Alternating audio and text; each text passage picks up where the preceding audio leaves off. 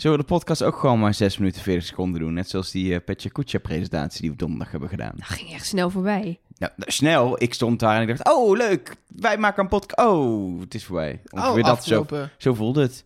Maar het was wel leuk. Ik was bij de eerste sheet al te lang en toen dacht ik, oh, ja, toen oh, keek jij oh, mij ook aan. Oh, sorry. shit, Nelleke, jij bent aan de beurt. Sorry. Maar oeps. Ik, maakte hem snel mijn zin af. Ja. Maar we, we, kregen wel complimenten van mensen die zeiden dat het leek alsof we vaker dingen samen doen. Ja. Dat we op elkaar ingespeeld nou, zijn. Nou, ik hoorde zelfs van die organisator dat hij ons gewoon, zeg maar, in de pauze had staan observeren. En dat wij dus in het echte leven ook een soort live podcast zijn. Dat wij de hele tijd met z'n drieën aan het oude hoeren zijn.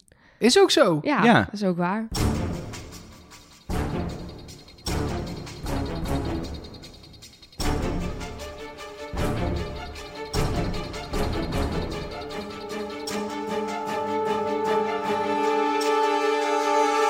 Hallo en welkom bij Trust Nobody, de podcast over wie is de mol. Met een verkoude Nelleke Poorthuis. Met Mark Versteden. En Elge van der Wel. Ben jij verkouden ook of niet? Nee, valt mee. Nee, ik ook niet. Maar Nelleke die uh, zit, er lekker, uh, zit er lekker in, zeg maar. Ja, ik klink deze week een beetje als een schele bever, zoals Niels uh, het zou zeggen. Dus sorry jongens voor als jullie wat snufjes horen of af en toe, dit zijn mijn zakdoekjes. komt goed. Nelleke doet haar best. Mark en ik doen gewoon extra veel uh, hints en theorieën. Dan hoef jij minder Ali-hoedjes. Uh... Nee, maar juist deze week heb ik hele goeie. Echt oh. waar? Ja. Oh, dan bewaar dat. Ja, oh, helemaal aan het eind, jongens. Dit is teaser nummer 1 van deze aflevering. Er komen er nog veel meer. Hey, even jongens. Ja. Om maar meteen met de deur in huis te vallen. Ik heb één hele belangrijke conclusie kunnen trekken naar deze aflevering. ik denk dat ik weet welke. Er is geen mol. Oh. er is geen mol. Nee, ik, inmiddels, inmiddels is het overduidelijk dat iedereen waarvan je soms denkt, nou dan is diegene de mol, ik noem Sinan, die, dan gaat hij opeens het meeste geld van de hele aflevering ophalen en zo. Het is gewoon... Ja, ik dacht en dus- ook, ook continu, dus iedereen heeft geld in de pot gebracht, deze aflevering, op momenten dat het niet nodig was. Maar echt allemaal? Allemaal. Ja, ik hoor sommige mensen zeggen, dit seizoen kan iedereen de mol zijn, maar het is juist andersom. Iedereen doet dingen die je doet als je niet de mol bent. Ja, dus wie dat is maakt het ook. Ik vind dat ze het ons bewust lastig maken uh, en dat vind ik oneerlijk. Maar we weten ook wel hoe, tenminste ik weet wel hoe het komt dat er nu een hoop geld wordt binnengehaald. Maar daar gaan we het dan ook wel straks over hebben. Ja, daar gaan we straks over hebben. Laten we gewoon bij het begin beginnen. Aflevering 6 van Wie is de Mol 2019 heet Uithalen. Weer zonder spatie. Of uithalen, maar er zit geen spatie in, dus is het uithalen. Maar dat, zij, dat kan natuurlijk een zelfstandig naamwoord zijn. Het meervoud van een uithaal. Of een werkwoord, ergens iets uithalen uit de pot halen? Er is geld uit de pot gehaald. Uh, Rick Paul heeft een joker uh, uit twee stenen gehaald. Uh, er waren nog wat mensen aan het gillen aan de Siplijn. Misschien zijn dat uithalen. Heeft er iemand uitgehaald naar iemand anders? Ik heb geen klap gezien. Maar, nee, maar... of een... een mentaal, denk, een mentaal altijd volgens mij bij, bij deze groep. Ja. Maar, nee, ik, ik heb niet meteen zoiets van... Um, nee. Dit, dit, dit verwijst naar dit. Het kan overal naar verwijzen. Ja. Wat ik wel, dat heeft niks met de titel te maken. Wat ik wel opvallend vond, is dat voordat we ook maar iets gingen doen, zeg maar, kregen we echt een heel blokje met verdenkingen. Dat gebeurt niet vaak. Dat er vooraf, dat gebeurt vaak voordat de test eh, gemaakt moet worden. En dat zat nu ineens uh, voor alle afleveringen. Nou, sterker nog, ik was eigenlijk daarvoor al heel getriggerd door de terugblik. In de terugblik waren namelijk echt heel duidelijk twee hele verdachte momenten die ons nog een keer werden voorgeschoteld uh, eigenlijk. Namelijk dat het bij Rick Paul bij het abzeilen misging dat hij het eerste kokertje miste. Terwijl er op andere plek ook misging, maar ze lieten Rick Paul en het eerste kokertje en wat anderen erover zij lieten zien. En uh, dat Sarah uiteindelijk aan het puzzelen was bij de taxiopdracht en dat ze dyslectisch zegt te zijn. Die is ook heel duidelijk naar voren komen. Wat ik echt een soort triggeralarm ging. Waarom laten ze ons precies deze twee verdachte dingen van de vorige aflevering zien. Ja, en in het gesprek, wat we, gesprek, het gemonteerde gesprek wat vervolgens uh, voorbij kwam in, met Biegjes, werd Rick Paul heel veel verdacht. Die werd door Jamie aangehaald, die werd door Merel aangehaald, geloof ik. In ieder geval door dat ik dacht, hmm, ik, ja, de richting waarop ook... wij zouden moeten zitten is wel duidelijk. Ja, en, en daar wordt natuurlijk ook heel bewust een keus gemaakt wie ze daarin wel of niet instoppen. Merel uh, en uh, nee, Merel werd wel als hele intelligente dame genoemd door Niels, maar dan weer niet dat dat dan een mol was, maar meer dat hij denkt dat dat volgens mij een hele sterk kandidaat is. Sarah werd daarin niet genoemd als een verdachte bijvoorbeeld. Dus het is opvallend. Toen kwam opdracht 1. Ja, Steentje bijdragen. Zo heette de opdracht.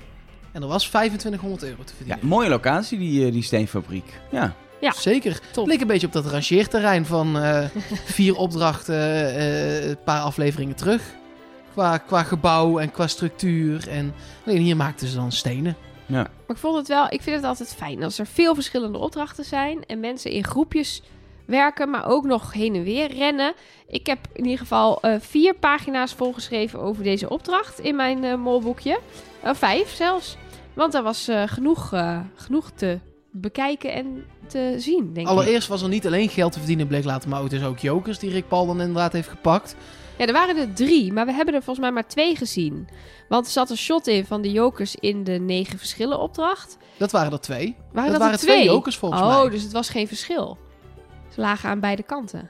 Ik dacht, misschien zijn die jokers. Is dat het verschil Volgens wat ze lagen hadden ze op elkaar. vinden? Ik dacht dat ik op het shot zag dat ze op elkaar Oh. lagen. Eentje zo plat en eentje zo schuin, zo liftend er bovenop. Hmm. Dat dacht ik. en ik, denk, ik heb er maar één gezien, maar dat kan aan Oh. mij hebben gelegen. En er lag er dus één onder eh, het mol-logo gemaakt van bakstenen. Maar ja, alleen Rick Paul ging er uiteindelijk met de joker vandoor. Zou die derde, stelde hij ligt daar niet en, ik heb gewoon, en het was een baksteen en ik heb het verkeerd gezien. Kan zou zomaar kunnen uiteraard. Dat die ook gepakt is. En dat niemand het gezegd Ja. heeft. Uiteindelijk komt dat dan wel weer naar boven in een biecht. En is er heel weinig reden om dat niet in deze aflevering Weet- te nee, ja, laten weet je niet. Dan moet er wel echt iets heel eh, spannends Als je gebeuren. als maker nog. weet dat hij hem aan het eind niet in gaat zetten, Ja, kun je hem nog even bewaren je als het bewaren? spanningsdingetje. Ja, spann spanningsboog. Ja. Dat we de volgende aflevering zien. Hé hey jongens, weet je wat ik hier nog heb? Ja, precies. Een joker. Ja. Dan de opdrachten zelf. Vijf, eh, ja, eigenlijk soort eh, puzzeltjes die ze moesten doen. Als eerste, De vierkant. ja, nee, ik, ik wil het niet, ik kan het er niet eens over hebben. Wij zaten, Elger en ik, het samen te kijken. En we zaten echt... Wat? 17? 17 vier... Dit is een raster van 4 bij 4. Dat zijn dus 16 vierkanten. Dan is de, die, die grote is dan 17. En er zitten er nog op het eerste Je oog ziet nog die heel veel toch? andere in. Hoe kan je nou 17 zeggen? Kijk, Oh, dat je wat- niet meteen 40 Ja. weet, eh, dat is prima. Ja. Eh, en Maar- dat je daar uiteindelijk dan ook niet opkomt als je daar staat en je hebt dat nog nooit gezien. Daar kan ik ook nog in komen. Ja, maar, maar- dit was wel echt Peppy en Kokkie, hoor. Ja, maar Ja. ook eh, echt eh, hoe ze daar staan als twee compleet onnozele, hersenloze. Hun hele lichaamstaal was, wij zijn heel dom. Ja, maar daarom ook Peppy en Kokkie. Ze stonden er. En dan echt, wow, pik, dit is moeilijk, man. Moet er even goed over nadenken. Het was bijna alsof ze hadden gebloot. Dat, dat, Ja. dat het drugsgebruik van eh, Nou, Jamie nou eh, weer, eh, opeens veranderd is in een ander soort eh drugs, zeg maar. Nou, wat ik hier wel een beetje het idee kreeg, maar dat is, komt misschien door mijn tunnelvisie, is dat ik, ik het idee had dat Niels hier niet zo goed in is. In dit soort dingen. Dat gaf hij achteraf ook toe. Van weet je, ik zie dit Ja, ook wel eens op Facebook in voorbij niks komen. goed. Hij houdt Nee, niet van hoogte, hij houdt dat- niet van dieren, hij houdt niet van water, hij Hij houdt niet van spelletjes. Hij is, goed, hij is goed met taal, maar op het moment dat het om taal gaat, dan staat hij niet op hij de mee. positie waar Nee. het om gaat. Maar ik had dus het idee dat Jamie daar heel leuk mee speelde. Dat die daar dus ook gewoon, gewoon helemaal in meeging. En Die, die heeft gewoon gedacht, volgens jou, even kijken wat Niels doet. Ja, en als, als er natuurlijk een kandidaat naast je staat die zegt... wow, dit is echt vet moeilijk, ik zie het echt niet. Ja, dan, dan- als mol ga je dan niet zeggen... oh nee, maar het werkt zo. Dan zeg je... nee, ja, inderdaad, wow, vet moeilijk. Ik, En, ik heb ook opges- opgeschreven, expliciet in mijn boekje als ik terugblader, dat Jamie echt aan het acteren was. Dat Ja. Jamie heel fake was. Niels was gewoon echt onnozel. Maar wat ik dan weer niet snap... Niels geeft dus achteraf aan... dit is, een, dit is iets waar ik niet goed in ben. Die kandidaten gaan met z'n allen naar deze opdracht toe. Ja, je hoort zouden, Rick Paul zouden- en Merel hoor je zeggen... eh, eh, dit is een makkelijke opdracht, dit lukt wel. En dan zegt Niels, die stelt voor... hey Jamie, zullen wij dit samen doen? Dat vond ik dan weer opvallend. Want ik denk, waarom wil je dit dan doen? Als je dus niet... Ik ga ervan uit dat Niels niet de mol is. Maar stel dat je dus de mol bent, dan snap ik het. Anders niet. En eh, wat ik ook niet begrijp, is dat niemand terug is gegaan om dit te checken. We hebben het in ieder geval niet gezien. Niemand heeft achteraf gevraagd aan Niels of eh, Jamie... Goh, wat was jullie antwoord? Want ik denk dat iemand als Merel, als die hoort dat het antwoord 27 is... meteen denkt, dat vind ik weinig. Laat ik nog eens even teruggaan. En kijken of ik het beter kan doen. Maar we hebben het Ja, in ieder geval niet gezien. Of het niet gebeurd Heeft is, weet natuurlijk ik ook met niet. de tijd te maken dat ze met andere opdrachten bezig waren. Ja, maar ze zijn zo op het elkaar checken. Waarom Ja. gaan ze dit dan niet checken? Ja. Ja, nee, ik weet het niet. Goeie dat eh, vraag. dat is Ja. een hele goede vraag. Maar dat gebeurde überhaupt, want daarna kreeg je de wals. Ja. Met, eh, met eh, Sarah en, en Sinan. En ook daar is niemand even gaan kijken hoe ver ze waren. Iedereen liet elkaar maar gewoon doen. Ja, omdat ze natuurlijk zelf ook allemaal met hun eigen opdracht bezig Ja, waren. ik snap ik wel. Maar ja, je wilt toch ook alles meekrijgen. Daar gebeurt trouwens wel iets leuks. Dat vond ik opvallend. Sinan zegt meteen, ik wil op die wals. Eh, dan vraagt Sinan aan Rick Paul, wil jij dat dan met mij doen? Maar dan biedt Sarah zichzelf aan. En dan hebben Sarah en Merel, die hebben onderling een momentje... waarin ze even met elkaar bespreken. Merel zegt dan tegen Sarah, hou jij Sinan in de gaten... en dan hou ik Rick Paul in de gaten. Dus daar wordt wel mee gespeeld. Er wordt wel van tevoren bedacht wie wie in de gaten gaat houden. Nou, vervolgens gaat Sinan op die wal zitten om op zijn Sinans te zeggen: rustig aan, we hebben alle tijd, rustig aan. Er zijn helemaal niet nog twee andere opdrachten die straks nog niemand aan het doen is, die we ook nog kunnen gaan doen. We wassen gewoon heel rustig naar de finish. Wat ik dan wel opvallend vind, ik vind Sinan natuurlijk verdacht dat hij wel de finishlijn heeft gehaald. Ja. Hij heeft er 25 minuten bijna over gedaan. Als je echt een goede mol bent en je bent de mol... Dan tik je hem even aan, Dan, zeg tik je hem maar. op, dan ga je heel rustig zo eh, op 80% een, kleer- een klein hoekje eraf tikken. Ja. Ja, want het was ook drie keer Zeker op het bijna. einde. Dus ja, dus dan, de, je kan dan best wel verkopen dat het uiteindelijk toch net Ja, misgaat. Dan ga je gewoon 20 minuten rijden en dan na 20 minuten rij je er iets af en dan is de tijd weg en, eh, en heb je verloren, zeg maar. Maar het viel volgens mij mee, want volgens mij begonnen ze bij minuut 6 en hadden Ja, ze nog oké. 11 minuten over toen ze weggingen. Dus dat zou betekenen dat hij er maar een kwartier, maar een kwartier over heeft. Hij heeft er echt wel Maar- lang over gedaan. Hij heeft heel langzaam eh Ja, hij heeft wel heel langzaam gereden. Ja, zeker op die rechte stukken dacht ik, nou kom op, even... Zo'n wals Even- kan wel iets harder dan dat. Ja, dat denk Precies, ik ook. wals er even overheen, zullen we maar zeggen. Mooi. Dan hebben we de opdracht met de zoek de verschillen. Ja, wat daar nou precies mis is gegaan. Nou ja, we hadden het er net heel even over. dat ik dacht blijkt dus... me heel simpel. Als de mol daarbij zat, Rick Bal of Merel, als, dan heeft de mol gewoon iets omgetikt, in, in het begin al, waardoor er een ander verschil ontstaat of een verschil verdwijnt. Ja, je hoeft dat wiel maar aan te tikken natuurlijk en het staat scheef. Ja, Ja. of een steentje erbij leggen. Wat natuurlijk ook nog kan. Ik hoorde sommige mensen opperen dat Sinan dat heeft gedaan, maar dat eh, het- eh, geloof ik dan weer niet. Maar er kan natuurlijk iemand in het heen en weer rennen tussen die opdrachten ook een bordje verplaatst hebben. Want dat zag je bijvoorbeeld vorig jaar. Deed Jan dat in die eh, opdrachten. eh, ik weet niet meer welke locatie dat was. Maar dat eh Otje op die schermen keek. En dat ze op verschillende plekken opdrachten Met die moesten doen. gloeilampen Die gloeilampen, ja. Toen zat hij ook weer te kloten bij opdrachten van anderen, waardoor die niet goed waren. Dat kan hier nu natuurlijk ook. Als op een gegeven moment iedereen met die bakstenen aan het sjouwen is, eh, eh, dan kan je even langs die verschillen rennen eh, en daar een bordje verplaatsen. Maar het, de jokers waren toch gewoon een verschil. De Nou ja, joker. Ik dacht dus inderdaad ook, ligt aan één kant een joker, dan is dat toch een verschil? Ja, maar ja, dat zullen we nooit 100% zeker weten. Nee. Omdat we niet weten wat daar mis is gegaan. We weten dat het fout was, punt.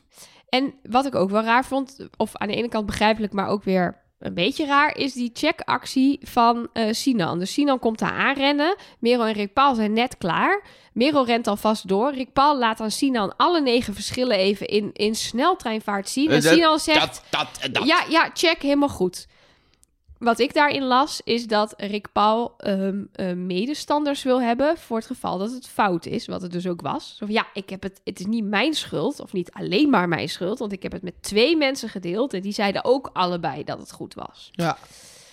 Dan Maar- waren er nog... eh, nee, wat wilde je zeggen? Nou ja, ik, ik- we kregen een paar berichten dat Sinan alleen is geweest bij die opdracht, maar dat heb ik dus niet gezien, want die stond daar toch de hele tijd met Nee, Rick Paul. Die stond daar met Rick Paul samen. En daarna Eh, renden ze samen weg. Merel is, is Ster- wel ja, precies. Sterker nog, ik verbaasde me erover dat Sinan ging rennen daarna. Precies, dat was een mooi shot. Sinan Heeft- ging rennen. Heeft Sinan echt gerend? Ja, dat Was die- het niet versneld lopen? Dat ze Nee, versneld hebben nee, afgespeeld? Nee, Rick Paul rende weg en Sinan rende er achteraan. Dus die is daar helemaal niet alleen geweest, volgens mij. Nee, die is zeker In ieder geval niet in eh, beeld. Niet alleen geweest. Ehm, het punt is natuurlijk wel dat je niet weet of die niet in een onwaakmoment met dat Merel wegging toch... Eh, eh, Merel, Rick Paul en Sinan hebben kunnen klooien met de verschillen zelf. Ja, en Nielsen en Jamie ook buiten beeld. Ja, is wel lastig om... Als je Jamie of Nielsen die, die, die stenen muur instuurt bij de rode draad, de, hè, die, met, met, met die kabel door al die stenen heen, en je zegt, nee, hij komt er hier uit. En zo ver is het nou ook allemaal weer niet van elkaar af. En je loopt even om dat ding heen en je tikt even wat weg, dan is het klaar. Ja. Er Die zat rooi... zelfs een shot in dat Jamie riep... Niels, Niels, Precies. waar ben je? Je kunt zo even weg zijn. Ah. Hmm. Die rode draad, eh, dan, ja, dat was een opdracht die volgens mij prima te doen was als je meer tijd had gehad. Ja. En als je eerder de- had- de- eerder bedacht dat je de draad ervan los moest maken. Maar het was een van de momenten wel waarop ik dacht... Ja, Niels is niet de mol, want dan ga je daar niet eh, eh, zeggen... laten we hem loshalen. Nee, dat vond ik een slimme, Ja. slimme set. Ja. Misschien, ik verdenk hem nog steeds wel. eh, Maar was het niet te omdat laat? Het, ja, precies, omdat er nog heel weinig tijd was. Ja. Dan kun je denkt, eens een nou, slim idee opporren. we hebben nog zes minuten, dan lukt dat nooit meer. Dus laten we dat maar. En over tijd gesproken, die opdracht met dat bakstenen logo was eigenlijk de makkelijkste opdracht. Was prima Ik. te doen als je dat met z'n vieren doet. Nou ja, of juist, je zet helemaal aan het begin, zet je daar één of twee mensen neer, waarvan je zegt, jij gaat nu gewoon een half uur eh, bakstenen sjouwen. Ik snap dat je dat als kandidaat niet wil. Dat jij denkt, ja hallo, dan heb ik helemaal niemand, kan ik niemand in de gaten houden. Sta ik hier een half uur lang bakstenen te sjouwen. Maar het was nu bijna gelukt. Ja, Ja. In, in zeven minuten, Ja. acht minuten. het, was, het was We hadden Sarah, nog, eh, even kijken, ik heb het ergens opgeschreven. Zes minuten, of Ja. zes minuten op de klok. het was Sarah die heel actief daarna een andere opdracht toe wilde. Sarah die zei, nee, eh, het is moeilijk, we gaan, eh, we gaan verder, we gaan naar de volgende. En eh, Ik vind het mooi, we hebben echt een probleem. ja, We, zijn, we hebben nu, na het bespreken van deze opdracht, letterlijk alle namen in een verdacht daglicht gesteld. Ja, Ja. maar dat is, dat is ook het hele ding. Maar bij alle namen kan ik ook zeggen, nou, dat is niet verdacht, want er is gewoon geld opgehaald of, eh, of ze hebben dit gedaan of Sarah ze hebben hebben deze geld kans opgehaald. laten liggen. Nielsen haalde dat touw los. Rick Paul en Merel leken negen verschillen goed neer te zetten. Rick Paul pakt nog een joker, dat hoeft als mol ook niet. Dus je kunt voor allebei alles inzetten. We kunnen natuurlijk wel kijken naar eh, wat er eh, geldtechnisch is gebeurd qua inzet. Dat is natuurlijk extra element in die opdracht. Ja. Dat ze geld mochten inzetten. En dan zie je een, Sinan en Sarah die lekker gaan walsen. Sinan die er ruim de tijd voor neemt. Maar er is geen euro ingezet. Nee, maar je pakt er wel 250. Ja, maar had veel meer kunnen zijn. Ja, maar er is niks uit de pot. Nee, en, true. en als je als mol de kans hebt om iets uit de pot te halen, dan wil je dat met beide handen aangrijpen. Zeker als je eh, hoort dat er bij andere opdrachten ook dingen worden ingezet. Overigens vind ik het echt vervelend. We hadden het er vorige week al over dat er Mhm. geld uit de pot zou, waarschijnlijk weer zou gaan. En dat we alles wat we in de vorige aflevering hebben gezien aan enthousiaste kandidatenacties, dat we dat kunnen, had, weer kunnen wegstrepen. Want zowel in opdracht 1 als in opdracht 2, als God behoede me, zoals in het voorstukje voor de volgende aflevering met de Russisch roulette weer gaat gebeuren. Er gaat ook weer geld uit de pot. Dus ik vind dat toch jammer. Maar ik vind nog wel, er is nergens zoveel geld uit de pot gegaan als dat er vorige aflevering in is gegaan. Nee, dat is waar. Maar dat had Dus gekund. Als Had de mol hier gekund, iedereen ja. mee had kunnen krijgen met... we zetten op alle dingen ook gewoon 250 in... dan was het hier een flinke slag geslagen. Ja. En je weet niet wat er bij die roulette gaat gebeuren volgende week. Die Russische roulette. Ik ben er nu al bang voor. Dat Op gewoon voorhand. echt gewoon de pot leeg Ja, wordt. helemaal leeg. Oh, nou, we gaan het zien. Denk je niet? Nou ja, Of ik, wil je eh, dat niet nee, denken? ik wil het liever niet denken. Ik, eh, ik, Ik, heb vind namelijk, nog ik andere vind het, theorieën over wat, daar, wat daar nog kan gebeuren. ik vind namelijk, ik vind het niet zo erg dat je een klein beetje geld kan inzetten of een opdracht slaagt of niet en op die manier geld uit de pot kan spelen. Maar het moet wel, het, dit zijn redelijk normale bedragen van je kan 250 euro inzetten max. Ja, die kan je dan verliezen. Dat vind ik nog, weet je, ik snap je Nee, ding dat, dat het, dat, waar. dat het, maar het gaat echt om Maar kleine... wel in twee van de drie opdrachten weer. Ik vond het toch opvallen. Ja, nee, dat viel, het viel zeker op. Maar het is niet zo dat je zeg maar zo'n spel waarbij je de hele pot in één keer kan leegspelen door het uit te geven om een joker te kopen. Nee, nee, nee, maar dat zeg ik ook. Dat ik, wat ik vooral bedoel is dat ik hoop dat het dan... dat dat Russisch roulette het echt niet is. Dat, dat, dat het iets anders gaat zijn. we Want gaan nu het- hebben we twee van de drie opdrachten ook geld uit de pot. Eh, We gaan het volgende week zien. Laten we even bij deze week eh, eh, blijven. Oké. En dan zien we uiteindelijk een eh, conclusie dat er min 250 euro is. Ja, en dat Ah. komt omdat Jamie en Niels samen allebei 250 euro uit de pot hebben gespeeld. 150 bij de vierkanten en 100 bij de rode draad. En Rick Paul en Merel hebben vol ingezet op de negen verschillen. Dus die hebben daar 250 euro uit de pot gespeeld. Nou, de bakstenen hebben ze niks op ingezet. 0 euro. Was ook logisch, want dat, daar gok je het niet op.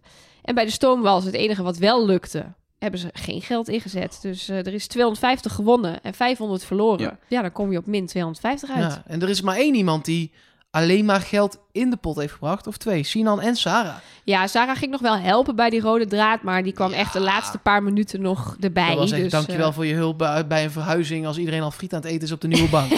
daar, heb, daar heb je echt helemaal niks aan. laatste wat me opviel was dat vlak voor het einde van het neerleggen van het logo, het bakstenen logo, zei iemand: de stenen zijn op, er moeten stenen gehaald worden. En dat deed mij meteen weer denken aan dat de gloeilampen vorig jaar op waren in de opdracht met Jan Versteeg. Dus misschien heeft daar ook nog iemand met stenen lopen verdoezelen. Oh, ik dacht dat ze gewoon niet- wat verder weg lagen. Ja, nee, ja. Hmm, je weet het niet, misschien heeft iemand stenen in zijn Ja, dat onderbroek zou gestopt. kunnen, Zou ja. kunnen. Of jokers. Dat vond ik vies. Ja, dan ben ik hem liever kwijt, denk ik. ja, daarna werd de jokercheck gedaan. Opvallend dat, het zo, eh, dat, het, dat mensen er zo op zitten dat het allemaal gecheckt moet worden. Ja, ik snap dat wel. Op het moment dat je te horen krijgt, er waren drie jokers te vinden, ja, dan vertrouw je toch niemand meer. Dan wil je wel weten wie Nee. heeft er een joker gepakt. Mag ik er een vervroegd berichtje bij pakken wat we hebben gekregen? Want het gaat over die strip search. Oh, oké. Ja, kom maar op. Even kijken. Heel, heel het format in de war. Nee, er Luisteraars er is zoveel helemaal, eh, door, helemaal verbaasd en zo. Ja, dat is wel waar. Nee, er kwam binnen wel een aantal keer bij ons via en de mail en Twitter dat Merel daar niet bij stond. Oh, nee, dat klopt. Merel eh, die stond niet bij die strip search. Merel moest even naar de wc misschien. Dat kan ook. Ja, Toch? Ja, dat lijkt... Dat- eh, ik- Of zij heeft die joker die, waar ik het er straks over had.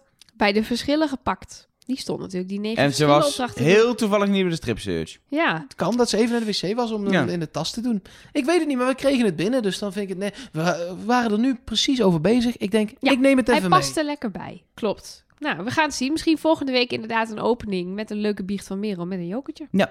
Dan kijken we even naar eh, de kalender.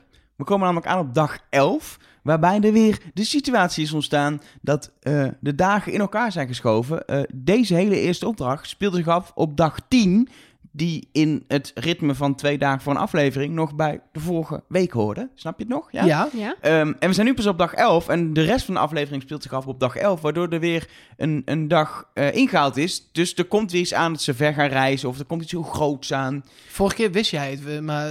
Nou ja, toen ze nog een had keer ik in dat... Nee, nee, dat had ik de vorige keer had ik dat in het vooruitzicht gezien. Maar ze staan nu op een strand in het volgende ding. Dus ik denk dat ze wel moeten vliegen, want ze zitten nu in het binnenland. Ja. Ze gaan weer reizen, denk ik. Dat Dan zal het ze En de bananenplantages liggen volgens mij ook bijna altijd aan zee. Dus dat, ze zitten straks ook op een bananenplantage. Dus ik denk dat ze inderdaad weer gaan vliegen. Oké, Ja. nou dan is eh, dat mysterie opgelost. Ze zijn in ieder geval nog steeds eh, in, dezelfde, in dezelfde regio nu. Waar, waar ze echt al nou, eh, dagen zijn en voor opdracht zijn. Maar het is ook wel echt een hele leuke plek. Heel tijd dat ik weer het kaartje in San Geel zie langskomen. denk ik, eh, kunnen we ook nog ergens anders heen. Maar het is wel, er is, het is heel divers. Er is van alles eh, te doen. Er zijn dorpjes, dus natuur. Nou, ja, maar ze gingen wel weer naar hetzelfde dorpje nu. Ja. Ja. Weer naar Barichara. Barichara, ik heb geen idee. maar je kan, er gewoon, je kan er gewoon veel doen, blijkbaar. ja, Ik vond het wel weer het ideale dorpje voor de tuk-tuk-opdracht, toch? nee, zeker. Maar dat is, eh, vorige keer hadden we het er al over. Het is een relatief klein raster. Eh, en daar kun je dit soort opdrachten natuurlijk perfect doen. Ja. Opdracht genaamd links-rechts. 1900 euro te verdienen. Kan iemand me uitleggen waarom het 1900 euro was, behalve random? Nou, er is uiteindelijk 1200 euro boven water gekomen. In het hele, als je het afweegt. Dus ze hebben 550 euro verdiend. Ze hebben 650 euro uit de pot gespeeld. Dan kom je op 1200 euro. Waar is die 700 euro gebleven? Ik weet het wel. De, de mol heeft het uit de Die is envelop uit gehad. envelopjes gekieperd. Ja. Ja, maar hoe dan? Want in elk envelopje wat nu binnenkwam staat één biljet. Is er dan uit alle enveloppen geld gejat? Uit een paar. Maar hoe komt de mol aan een paar enveloppen? Ja, uit, aan twee, die heeft hij zelf in ja, zijn dat hand. is wel waar. 600 is wel echt veel. En- 700, hè? 700. 700 euro. En hoe, überhaupt, hoe kan het dat er dan een aantal enveloppen zijn met meerdere briefjes, terwijl er echt nul reden toe is om dat te nou, doen? 150 bestaat niet. Nee. Maar ja, hoe ga je dus... Dan hebben we, een aantal mensen hebben een envelop met 50. Dan moet je dus zeven enveloppen hebben... waar dan nog een honderdje bij had gezeten. En of die, als iedereen op tijd was geweest, was er een bonus van 500. Dan heeft nee, Sinan twee keer... zeven- ze- 1200 is het totaal, hè? En Ja, het is nee, snap ik. 1900 Snap ik, dus score. zit 700 zit daar mis. Misschien was er dus 500 bonus als iedereen op tijd was geweest. En heeft Sinan nog twee keer 100 uit zijn envelopjes Maar dat getrokken. hebben we, hebben we nooit gehoord. Nee, maar ja, we horen dit seizoen wel meer niet. Het is, ik vind dit namelijk echt een mysterie. ja. Er is wel, ah, nu ga ik even een markje doen. Dan ga ik even vooruit naar de aluhoedjes eh dinges. Er is een theorie, ik vind hem erg ver gezocht, maar dat de tuk-tuks die links-rechts gingen, die hadden het het moeilijkst. Nou, daar ben ik het mee eens. Zeker weten. Dat is precies wat Rick Paul zegt. Je gaat één hoek op en je komt nooit meer terug. Als Nou je één er- straatje verkeerd gaat, kun je niks meer. Terwijl vier keer links is één keer rechts. Zeg Er maar. zitten ergens wel een soort eh, rondlopende straatjes aan de uiteinden van het dorp, waardoor je dus weer op eh, terug zou kunnen komen. Maar dan moet je nog steeds ontzettend slim daaruit zien te komen. Is erg lastig. Dus er is een theorie dat het geld wat die mensen binnenbrengen, dat dat dubbel telt. En dat je dan dus uitkomt op dat bedrag. Waren het niet dat Rick Paul, die links-rechts moest, de tweede keer daadwerkelijk geld binnenbrengt. En dat is niet verdubbeld. Dus- Dus, ik vind dit een ruktheorie. Eh, Het is maar wel dat was. fijn dat we hem dan alvast hebben gehad. Nee, ja, precies. Er, werd, Ja. er werd gezegd waarom dat niet gebeurde, was omdat Rick Paul zeg maar, gestraft werd voor zijn actie dat hij niet naar eh, Rick heeft geluisterd over de porto. Ja, ik weet niet, dan wordt het, wordt het zo zwak van allemaal, die Ja. Dus, dus ik vind het ook een mysterie waar die 700 euro gebleven is. Laten we heel even gewoon überhaupt de administratie erbij pakken. Want Ja. bij het eerste stoppunt kwam als eerste Jamie aan, als tweede Sinan, als derde Merel. En de rest kwam daar niet aan. Of ja, Rick Paul kwam daar nog wel aan, maar dat telde echt niet meer. Nee. Eh, als hij de mol is, heel slim om toch nog heel even door te rijden. Want ja, eh, misschien wordt zijn geld dan wel uit de, uit de Nou, pot gehaald. Maar Ik vond het niet zo slim, want wat er gebeurde was dat volgens mij zowel Jamie als Sinan als Merel daar stonden en, zij, en hem niet helemaal geloofden. En daardoor hij zichzelf dus heel erg verdacht maakt. Wat dus weer voor een kandidaat een goede actie kan zijn. Maar als mol zou ik dat niet doen. Het had ook geen consequentie. nee, hij was ook waar. niet gedisqualificeerd of zo. Hij kon de tweede keer gewoon weer verder rijden. Ja, en Dus- eh, bij deze drie mensen, Jamie, Sinan en Merel, die hebben in ieder geval geld opgehaald. Ja, Jamie 100 euro, Sinan 50 euro en Merel maar liefst 250 euro. Veel geld. Heel veel geld. Als je weet dat je in jouw envelop 250 zit, dan doe je dat niet. Overigens, de, eh, het uitdelen van die enveloppen, dat is, was heel slecht in beeld, vond ik. Ja, nou ja, wat, je, wat mij het meeste opviel was ten eerste... Rick Paul pakt meteen plattegronden. Wat ik dan weer apart vind, want ja, die gewoon allemaal hetzelfde. Daar heb je niks aan. En Merel pakt als eerste enveloppen. Als zij de mol zou zijn, dan is dat heel handig. Maar vervolgens komt die vrouw wel met 250 euro over de finish. Ja, Wat dan weer niet echt heel erg nee, molgedrag het is supergoed om veel geld te pakken en dan niet binnen te komen. Want Precies. wat je ervoor zorgt is, jij brengt het niet binnen. Maar een ander brengt het ook niet binnen, dus dat is dubbel winst. Maar ze brengt het... Ik- Mijn hoofd gaat... En ik vind haar wel het soort kandidaat, dat zou, zou hebben we al eerder gezegd, dat zou ik denk ook doen, op dat moment gewoon pakken, want dan ben je de mol voor. Want je weet ook, de mol wil waarschijnlijk ook bepaalde enveloppen hebben. En als ik alvast ingrijp, dan heb ik misschien Ja. wel die hoge bedragen. En Nou, dan bleek uiteindelijk ook dat er maar twee enveloppen waren met 250. Ja, even los van, we gaan nu even niet uit van die 700 euro die we verdwenen is, Nee, maar, maar wat van wat we hebben binnenkwam-. Ja, Kijk, eh, eh, en die andere envelop... Nee, maar in die andere enveloppen zat ook niet 250. Want dat is één briefje. Ja, en in de rest zat allemaal ander geld. Dus het is hooguit dat er nog een 50 bij 100 zat... of een 100 bij 50. Maar eh, eh, er zat niet ook nog 250 in. Dat kan ik niet geloven. Nee. Zullen we meteen gewoon even de tweede ronde dan erachter Sorry, ja. qua Ja, administratie? Zeker. Eh, daar zagen we eh, Niels als eerste binnenkomen omdat hij dacht... hé, hey, ik kan gewoon vrij de route zoeken naar, eh, naar Rick. Ik, eh, ik rij gewoon een tuk-tuk en dan ben ik binnen. Goed bedacht. ja, goed bedacht. Ik zat op de bank en ik dacht, dat zou ik ook kunnen doen. Ja, Ja, er werd niks over gezegd en ik dacht... jullie zeiden niks. Jullie zeiden dus, niks, ik rijd erheen. ja, maar toch win je dat niet van de jury, zullen we zeggen. Nee, maar stel dat is wel zo, dan ben je maar vast binnen. En hij moest eh, eh, eh, uit een of andere kelder van dat dorpje komen, dus anders had hij het toch niet gehaald. Ja.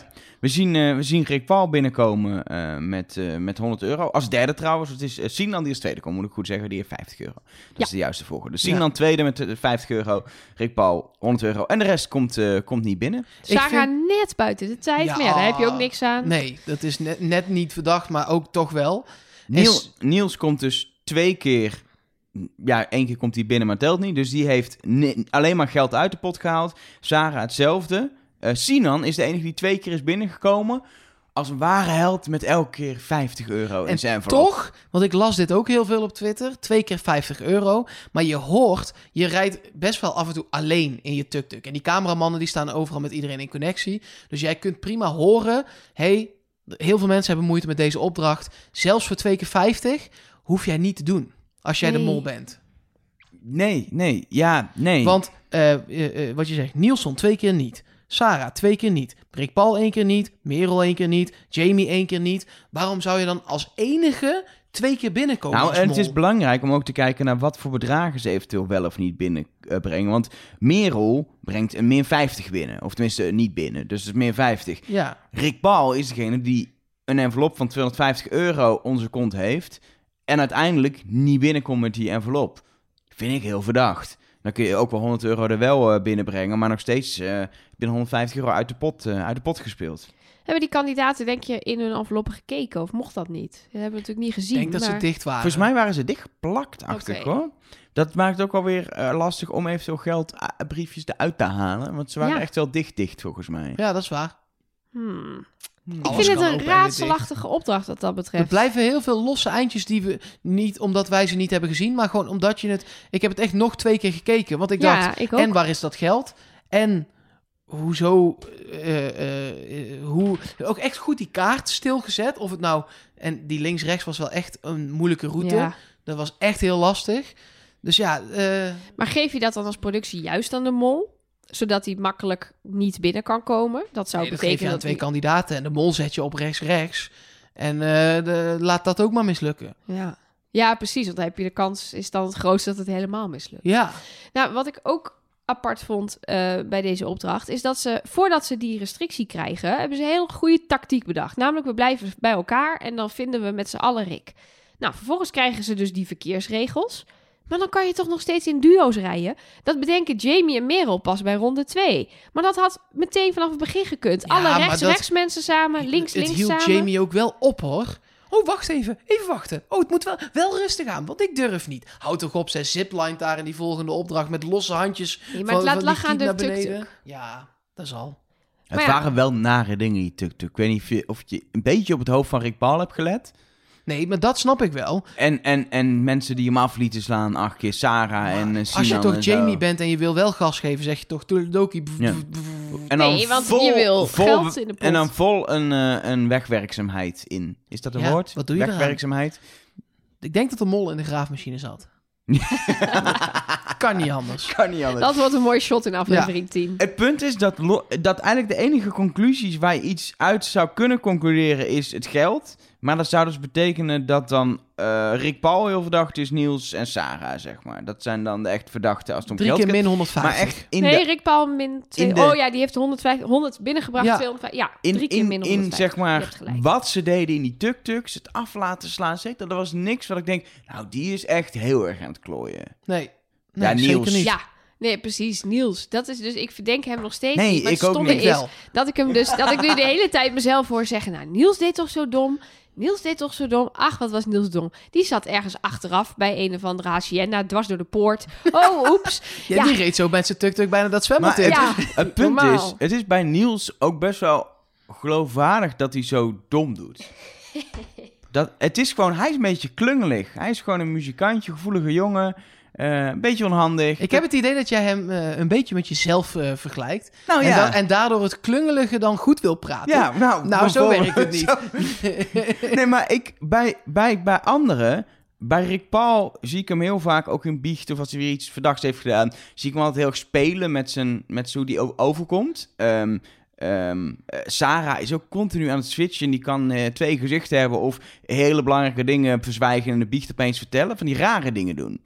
Los van of ze de mol zijn of niet. Niels heeft dat niet. Niels is wel gewoon oprecht heel onhandig. En dat, ja, dat is nou eenmaal zo. Zo, zo zit hij er ook bij. Ja, dat, Overigens ja. kregen wij ook de tip dat hij daadwerkelijk hoogtevrees heeft. Want iemand had hem eh, eh, gevolgd bij die 5 mei eh bevrijdingsfestivalshows... waar die artiesten dan met een helikopter eh, naartoe vliegen. En dat had hij ook doodeng gevonden. Dus nou ja, Was hij toen al mee bezig? Met, Nee, maar we met die wisten dat fake... eh, We wisten dat hij vliegangst had. Dus Ja, dat was precies. bekend. Hoogtevrees? Nog steeds niet. Nee, want ik heb hoogtevrees, maar ik kan prima vliegen. Hetzelfde, ik ook. Ik heb allebei niet. Ik kan vliegen. Jij en zou- ziplinen. Ik wou zeggen, jij zou heel graag een ziplijn willen Oh. hangen. Ik zou ook willen Maar- ziplinen. Maar we gaan, eerst naar, we gaan eerst naar de test. Oh ja, ja. nou, dat was een test, dat ziplinen. Fantastisch. Wil je niet meer dit- bespreken wie wie verdenkt? Ja. Vreselijk. Dat vindt, Mark, dat vindt. Mark altijd het vreselijkste stukje van eh, onze podcast. Ja, dat joh, we moeten bespreken wie wie verdenkt. Nou, laten we even heel snel doen, want het was weer lekker onduidelijk geknipt. Maar Rick Paul verdenkt op 1 Jamie, op 2 Merel, op 3 Sinan. Ja, Jamie. dat is gewoon iedereen. En hij zet een joker in. Dat is ook eh, belangrijk. Je bedoelt, hij raakt een joker kwijt? Want het was zinloos om hem in te zetten. Ja. Achteraf, hè? Achteraf, gepraat. Ja, maar- Eh, Jamie die verdenkt Rick Paul op 1. Wie Sinan verdenkt is onduidelijk. Sarah verdenkt Rick Paul, Merel en Jamie. Niels is onduidelijk wie die verdenkt. En Merel verdenkt Rick Paul en Jamie. Wat opvalt is dat Rick Paul drie keer wordt genoemd en Jamie drie keer wordt genoemd. Einde van deze, oh, dit overzicht. Wat zou er zijn gebeurd als hij zijn eh, joker had opengemaakt, eh, een vrijstelling had gehad en dat die nu bij de opdracht die zo komt met de zipline, eigenlijk al zou je hem dan alsnog mee mogen nemen weer? Of is het dan gewoon Nee, Nee, want je hebt vrijstelling weer? Ja, alles wat je bij die test op tafel hebt laten liggen, heb je ingezet. Maar Zou dan, ik zeggen. dan kun je, als je dat weet, want je weet ik heb een vrijstelling, vervolgens krijg je het aanbod om met de hele groep door te kunnen. Maar dat is niet in jouw belang op dat moment. Jij gaat door, dus kun je, als je niet bent van, oh gezellig, we gaan lekker samen, leuk. Oh, wat is het toch leuk hè, lekker op vakantie naar Colombia, leuk. Als je dat niet hebt, dan naai je gewoon je andere kandidaten, verpest je die opdracht met, Twee die, bordjes eh, met die bordjes. En dan speel je zo je medekandidaten misschien naar huis, terwijl jij zelf met je vrijstelling lekker door kan had. Ja. Ideaal. De eh, zipline opdracht heette reddingslijn.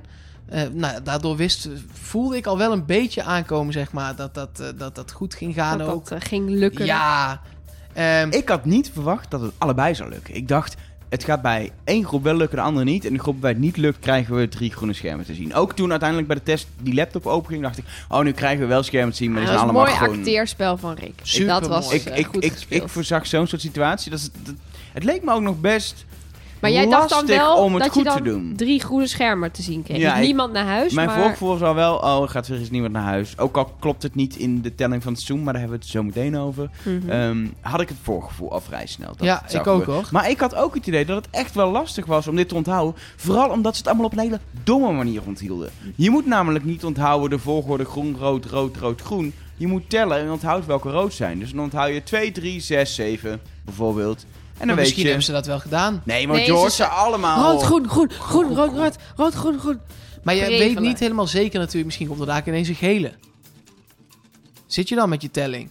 Ik snap wel dat je... Het, Je als kon je het vanaf het startpunt niet goed zien, hè? Nee. Wat er Ik snap dat als je daarboven staat, dat je denkt... Ik ga het gewoon helemaal onthouden. Want misschien, dadelijk komt er nog een blauwe tussendoor. Of een, of een paarse. Daar zit je dan met je Ja, telling. wij- ik heb het natuurlijk geredeneerd vanuit het feit dat ik het van, van tevoren al had Ja. gezien. Ja, Ja. maar dat is Ja. niet. Want je en staat... dit zijn van die bankdingen, zo- hè? Van die dingen die wij thuis op de bank bedenken. Je hangt jou ook aan die zipline en jij scheidt in je broek en je valt flauw. Ik bedoel, Ja. dan heb je helemaal niks gezien. Ik had nog een eh, discussie met Je vrienden kijkt van... me nu echt heel schaapachtig aan, maar... eh, Ik zit me voor te stellen, als je in je broek schijnt aan een ziplijn, hoe, hoe dat dan naar beneden valt. en dat dan ook je joker meegaat. Ligt die er je ook een beetje aan wat voor een ontlasting het is natuurlijk. nee, ik had nog een discussie met vrienden waar ik mee aan het kijken was op de bank over... Was dit nou inderdaad... Hebben ze geluk gehad? Was dit makkelijker dan het er op televisie uitzag? Ik weet het niet. Want het ging wel ook mis. Het moest wel gecorrigeerd Ja, worden. maar het had wel een lekker ritme. Het was namelijk rood, rood, groen. Rood, groen, groen. Rood, groen, groen, rood. Ja, ik En weet niet waar het jij het ritme ziet, maar dit gaat Nee, echt voor mijn brein Ja, nee, het is zeg maar... dwars door elkaar. Het is zeg maar, ja, het is voor mij is dit echt ritmisch heel logisch. En het hing ook nog zo dat de laatste Dit- hing wacht, dit gaan we even testen. Ik doe even Nellekes boekje weg, kom maar op. rood, groen, groen. Ja, lekker ritme.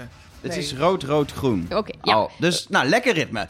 Top. Nee, het is rood, groen, groen. Nee. Rood, groen, groen. Nee, goed. Rood, rood, Je maar, Nee. we brengen me nu ontzettend in de Ja, war, nee. want ik was iets anders aan Ja, het dat vertellen. snap ik. Maar je, je claimt dat het allemaal zo makkelijk ritme is dat ze makkelijk te onthouden is. Maar dat is dus helemaal niet waar. Jawel. Nee. Nee, jawel. Wat jij nu doet is niet eerlijk, Elger. Hoezo? Omdat ik midden in een hele ingewikkelde redenatie zit en daar Ja, aan hallo. zit te denken. Jij zit in een ingewikkelde- ziplijn. Zij hangen aan Ja. een fucking ziplijn, elke poorthuis. Kom eens even. Jij zegt altijd, Het is dit, dit kan rood, groen, groen. Rood, rood, groen. Rood, rood, groen, rood. Dat is hem. Rood, groen, groen. Rood, rood, groen. nee, het is rood, rood, groen. Ja, rood. oh, luister nou naar wat ik Nee, zeg. jij zegt rood, Rood. groen, groen. Ro- eh, luister. Het is... Nee, je houdt hem niet voor me. Het is rood, rood, groen. Rood, groen, groen, rood, groen, groen, rood. Ja, Ja. eindelijk, je hebt hem. Ja, maar Na na vijf keer jaar kan ik het ook. Nee, maar Je hebt maar één kans daar. Dit vind ik zo oneerlijk. Ik ben nu echt heel pissig. Maar wat ik wil zeggen is dat het niet aan één stuk doorhing. Het hing in groepjes. Dus bijvoorbeeld die laatste rode, die hing los. Dus dan hoef je alleen maar te onthouden. De laatste was een rode. Daar hoef je dan, dat kan je gewoon heel makkelijk onthouden. Het eerste hing in een groepje van drie. Dus dan begin je met rood, rood, groen. Er is namelijk psychisch iets dat je iets in drieën is in je brein een, een eenheid. Dus je kan eh, tellen, als je bijvoorbeeld een hele grote bak met pennen hebt en iemand zegt pak 100 pennen eruit, is de makkelijkste manier om dat te doen, is er per drie uitpakken. Want drie kan je in je hersenen als een eenheid zien. Dus daar hoef je niet voor te tellen. Ja, dit wordt een heel ingewikkeld verhaal.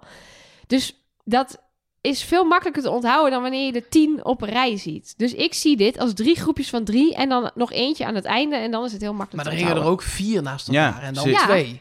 Ja, dat klopt. Maar daardoor kun je het dus opbreken. En die eerste... Nou ja, goed. Dit, jullie kijken mij echt aan. Jullie zetten me er eerst van. voor het blok met dit. Ik wil maar zeggen, dit was niet zo moeilijk als het leek. Nee. Dat is de conclusie. Waren er, want uiteindelijk Je had, bleken de... je had de afgelopen twee minuten van deze podcast kunnen skippen als we je vooraf hadden gewaarschuwd. Had gekund, is te laat nu. Nou, Sorry, ik zou spoel het nog een keer terug. terug en dan kun je het skippen. en Alsnog. dan misschien, dat ga ik ook doen, want misschien snap ik het dan. waren het twee ziplijnen? Ja, Het waren twee Want het ziplijnen. waren dezelfde volgorde. Wij. Nelk en ik hadden hier ook een hele discussie eh, over. Gaan ze nou naar de andere kant of hoe zit het? En op een gegeven moment zijn we heel erg gaan zoeken. Het zijn twee ziplijnen die net op een verschillende hoogte hangen. Ja, nee, de ene gaat van de bovenkant van de ene berg naar de onderkant van de andere. En de andere zit daar andersom. kruislinks, zeg maar, op. Want Volgens op een mij gegeven moment zijn ze... Ik heb teruggespoeld in één shot, allebei in beeld. Want ik dacht, Ja. Nou, dit is precies... Ze, ze hangen het hetzelfde op. Hebben ze dan niet gewoon dezelfde ziplijn gedaan? En dat was niet. nee. Maar wel dezelfde volgorde Maar en dat heeft een reden. Wist ik ook al dat het waarschijnlijk iedereen het goed had. Want vlak voor de executie zie je dat ze aan beide kanten van de berg hetzelfde op de waslijn hebben gehangen. Dus toen dacht ik, ja, dan hebben ze het of allebei fout of allebei goed. Dat is En dat klopt, Ja. allebei goed. En dat heeft dus een reden, dat Ja. het allebei hetzelfde is. En daar komen we straks Daar op. komen we op Precies. terug, tenminste Nelke, want die is van de alihoedjes. En er zit natuurlijk een of andere vage theorie in die gekleurde schermen. Voor alle nieuwe mensen nog een keer, want ik krijg echt he- weer heel vaak de vraag. Het gaat dus om een aluminium hoedje, wat mensen die in complottheorie-denkers zijn opzetten. Dus als mensen zich En- afvragen wat een ali, alu, alug, Gemiddelde Wie is de Mol ki- kijker die niet alleen voor de beelden kijkt, maar ook een mol zoekt, wordt al gauw na een tijdje een complotdenker. Precies. Zeker. Dus ik, ik in Wij ieder geval wel. ik ook. Ehm, nou, superleuk. Het was allemaal goed. Iedereen mag blijven. Jee. Ja, ik vind het achteraf niet meer zo erg als dat ik het eh, voorheen vond. Meteen na de aflevering dacht ik, ah, irritant. Maar ja, ik vind het eigenlijk ook wel weer. Wat ik, nog, wat ik zei, bijna elke executie dit seizoen was anders dan anders. En dat vind ik echt lof voor die programmamakers. Het is Maar seizoen waarom? 19. Nou, ik vond... ik vind dat leuk. Maar het is vind toch nu, ook wel- Het wordt nu het anders om het anders te doen inmiddels. Het wordt nu, ja, dat vond ik ook. Het wordt een soort trucje. Ik vind het ook echt... Vorige aflevering, super lekker. Gewoon een executie. Iemand naar huis. Niemand een joker. Niemand een niks. Gewoon... eh, want dan heb je gewoon ook echt de beste drie straks in de finale. En niet misschien iemand die het net ontkomen is. Dat zou ik Die- zonde die- vinden. Zoals Olcay. Die, Bijvoorbeeld. Seizoen. die, Ja. Die gewoon echt bizar dat hij in de finale stond. we, hebben- we hebben zelfs nog mail gehad, inderdaad. Oltje heeft ook in RTL Boulevard nog allemaal rare dingen gezet over, over de schermen die je krijgt. En dat dat iets zou zeggen. De, dat de Ja. volgorde waarin de schermen, eh, dat het de volgorde is of je, hoe goed je Ja, bent. zij zei over Robert, ja, had, had de vorige aflevering al kunnen weten dat hij in een gevarenzone zat. Want toen ging Nicky naar huis, maar hij was vlak daarvoor. Dus hij was tweede. Dus hij was tweede, dus Nee, zo nee, werkt zo het werkt niet. het, niet. maar Oltje. Oltje, denkt dus dat het zo werkt. Daarom ze is ze zo ver gekomen. Of zo. Ik snap het niet meer. Wauw. We kregen daar zelfs mail over. Anyway. Ik vond het wel saai. Er is één ding, los van of het saai is of niet. Er ontstaat nu een situatie waar ik niet van hou. Namelijk een situatie waarin aan het eindpunt een finale met vier personen in het verschiet ligt. Dat hebben ze één keer gedaan, dat was niet leuk. Dus dat moeten ze niet doen. Dus eh, er moet een Ja, slachting komen of doen. zo. Nou ja, ik, ik, ik tweette het gisteren al. Ik hoop dat er gewoon volgende week drie naar huis moeten.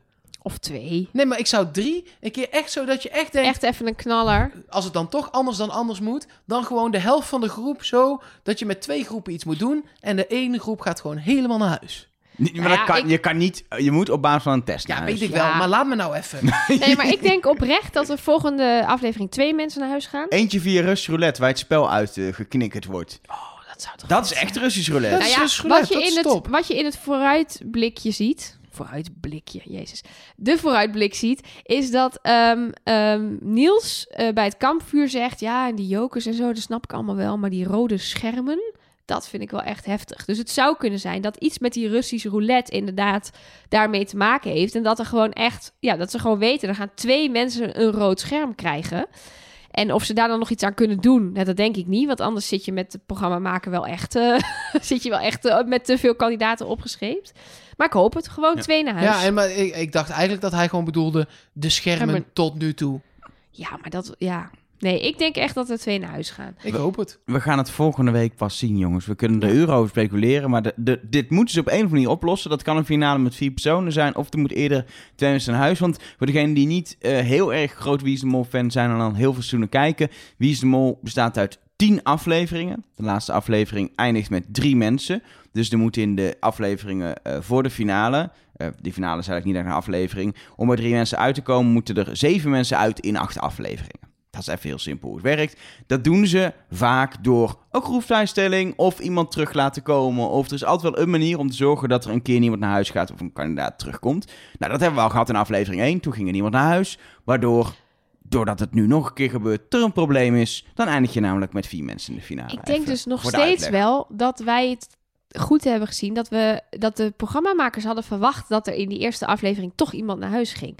Je ziet het aan die, aan die pakken, bij die koffieaflevering, aan het zipline, wat een oneven aantal was. En dan nu zitten ze dus weer met een probleem. Nee, want deze ziplinen, opdracht, het, eh, sorry, het afzeilen. afzeilen. Ja, en nu zitten ze dus met een probleem.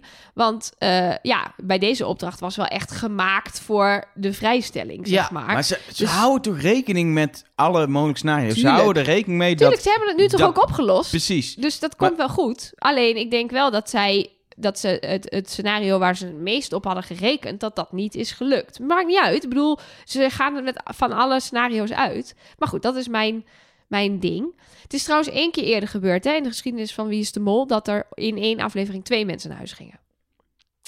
Maar één keer? Eén keer. Oh, en bij de Belg is het een keer gebeurd. Daar had het geen enkele reden. Dan was het gewoon op een dag zeiden ze. En vandaag bij de excursie gaan er twee mensen naar huis. Dat vond ik fantastisch. Maar in, eh, bij Wie is de Mol, eerste seizoen met bekende Nederlanders, seizoen 5. Daar eh, was op een gegeven moment een uitdaging dat als de test over het algemeen percentueel gezien slechter werd gemaakt dan die aflevering ervoor, dan moesten er twee mensen naar huis. Toen gingen Gijs Staverman en Jim de Groot samen naar huis. Oh ja, toen is Gijs Staverman eh, nog die kwam eh, terug en die, teruggekomen. mo- ja, die kwam in aflevering 3 terug of zo. En toen ging hij weer naar huis. Toen ging hij in aflevering 5 weer naar huis. Ja. Of 6 of zo. Dus, eh, dus het is, is- een keer gebeurd, maar nog niet heel vaak. Het punt is namelijk, als je inderdaad meer dan één aflevering weg bent, dan win je dat spel echt never nooit meer. Want dan mis je zoveel informatie. Ja, zeker. Dat, Je kunt nog wel een, een eindje komen. Wat dachten jullie van eh, Paul? Ja, maar die is nooit uit het spel geweest, hè? Oh, ja, die, is oké. wel naar, die had een rood scherm, maar die kon zich meteen weer terugvinden. Dus die is nooit echt eruit Nee, uit die heeft niet Als heel je- veel afleveringen nee, precies. gemist. Als Nee, je twee precies. of drie opdrachten mist, Oh ja, dan kun je die vragen al plotseling niet. in die kooi, die toch? kooi, ja, ja. dat was wel fantastisch. Daarover nooit meer meer. Eh, dat is ook een goede tease. Gaan Ja. we het nooit meer over hebben. Waar we het wel heel even over moeten hebben. Dus moeten we de potstand nog even noemen? Gewoon voor het idee. Dan hebben we dat idee. afgerond. 75,50 staat hij op. Ja, Nou, dat is hij begon een, hoger. een oké bedrag. Gewoon Hij begon de, ja, hoger. Nee, het had hoger gekund. Het had ook weer lager gekund. Ja, dat is waar. Ehm, over geld gesproken. Ja. Oh, dit is een mooi bruggetje zeg. Oh, daar ga ik eens even van genieten. Wacht even. Geniet jij van je bruggetje? Ja, ja, dat was een mooi bruggetje. Patreon.com slash trustnobody. Daar kun je ons eh, vrijwillig steunen. Heel veel mensen die dat al doen. Waarvoor ontzettend veel bedankt. Eh, het is een platform waarop je eh, nou ja, podcastmakers zoals ons en creatieve mensen die hun content wel gratis aanbieden. Toch een steuntje in de rug kan geven voor de kosten die ze en in dit geval we maken. Dat gaat om de dingen die we hebben gekocht om weg te geven. Maar goed, daarbuiten ook om hosting, om eh, eh, het logo wat we moeten laten maken. De spullen die we hebben om dit op te nemen. eh, de diesel en benzine die we nodig hebben om bij elkaar te komen. Ook een beetje alle tijd die we erin stoppen, alle energie. Dat, ja, zeker. Dat we in ieder geval niet alleen maar kosten voor me hoeven maken.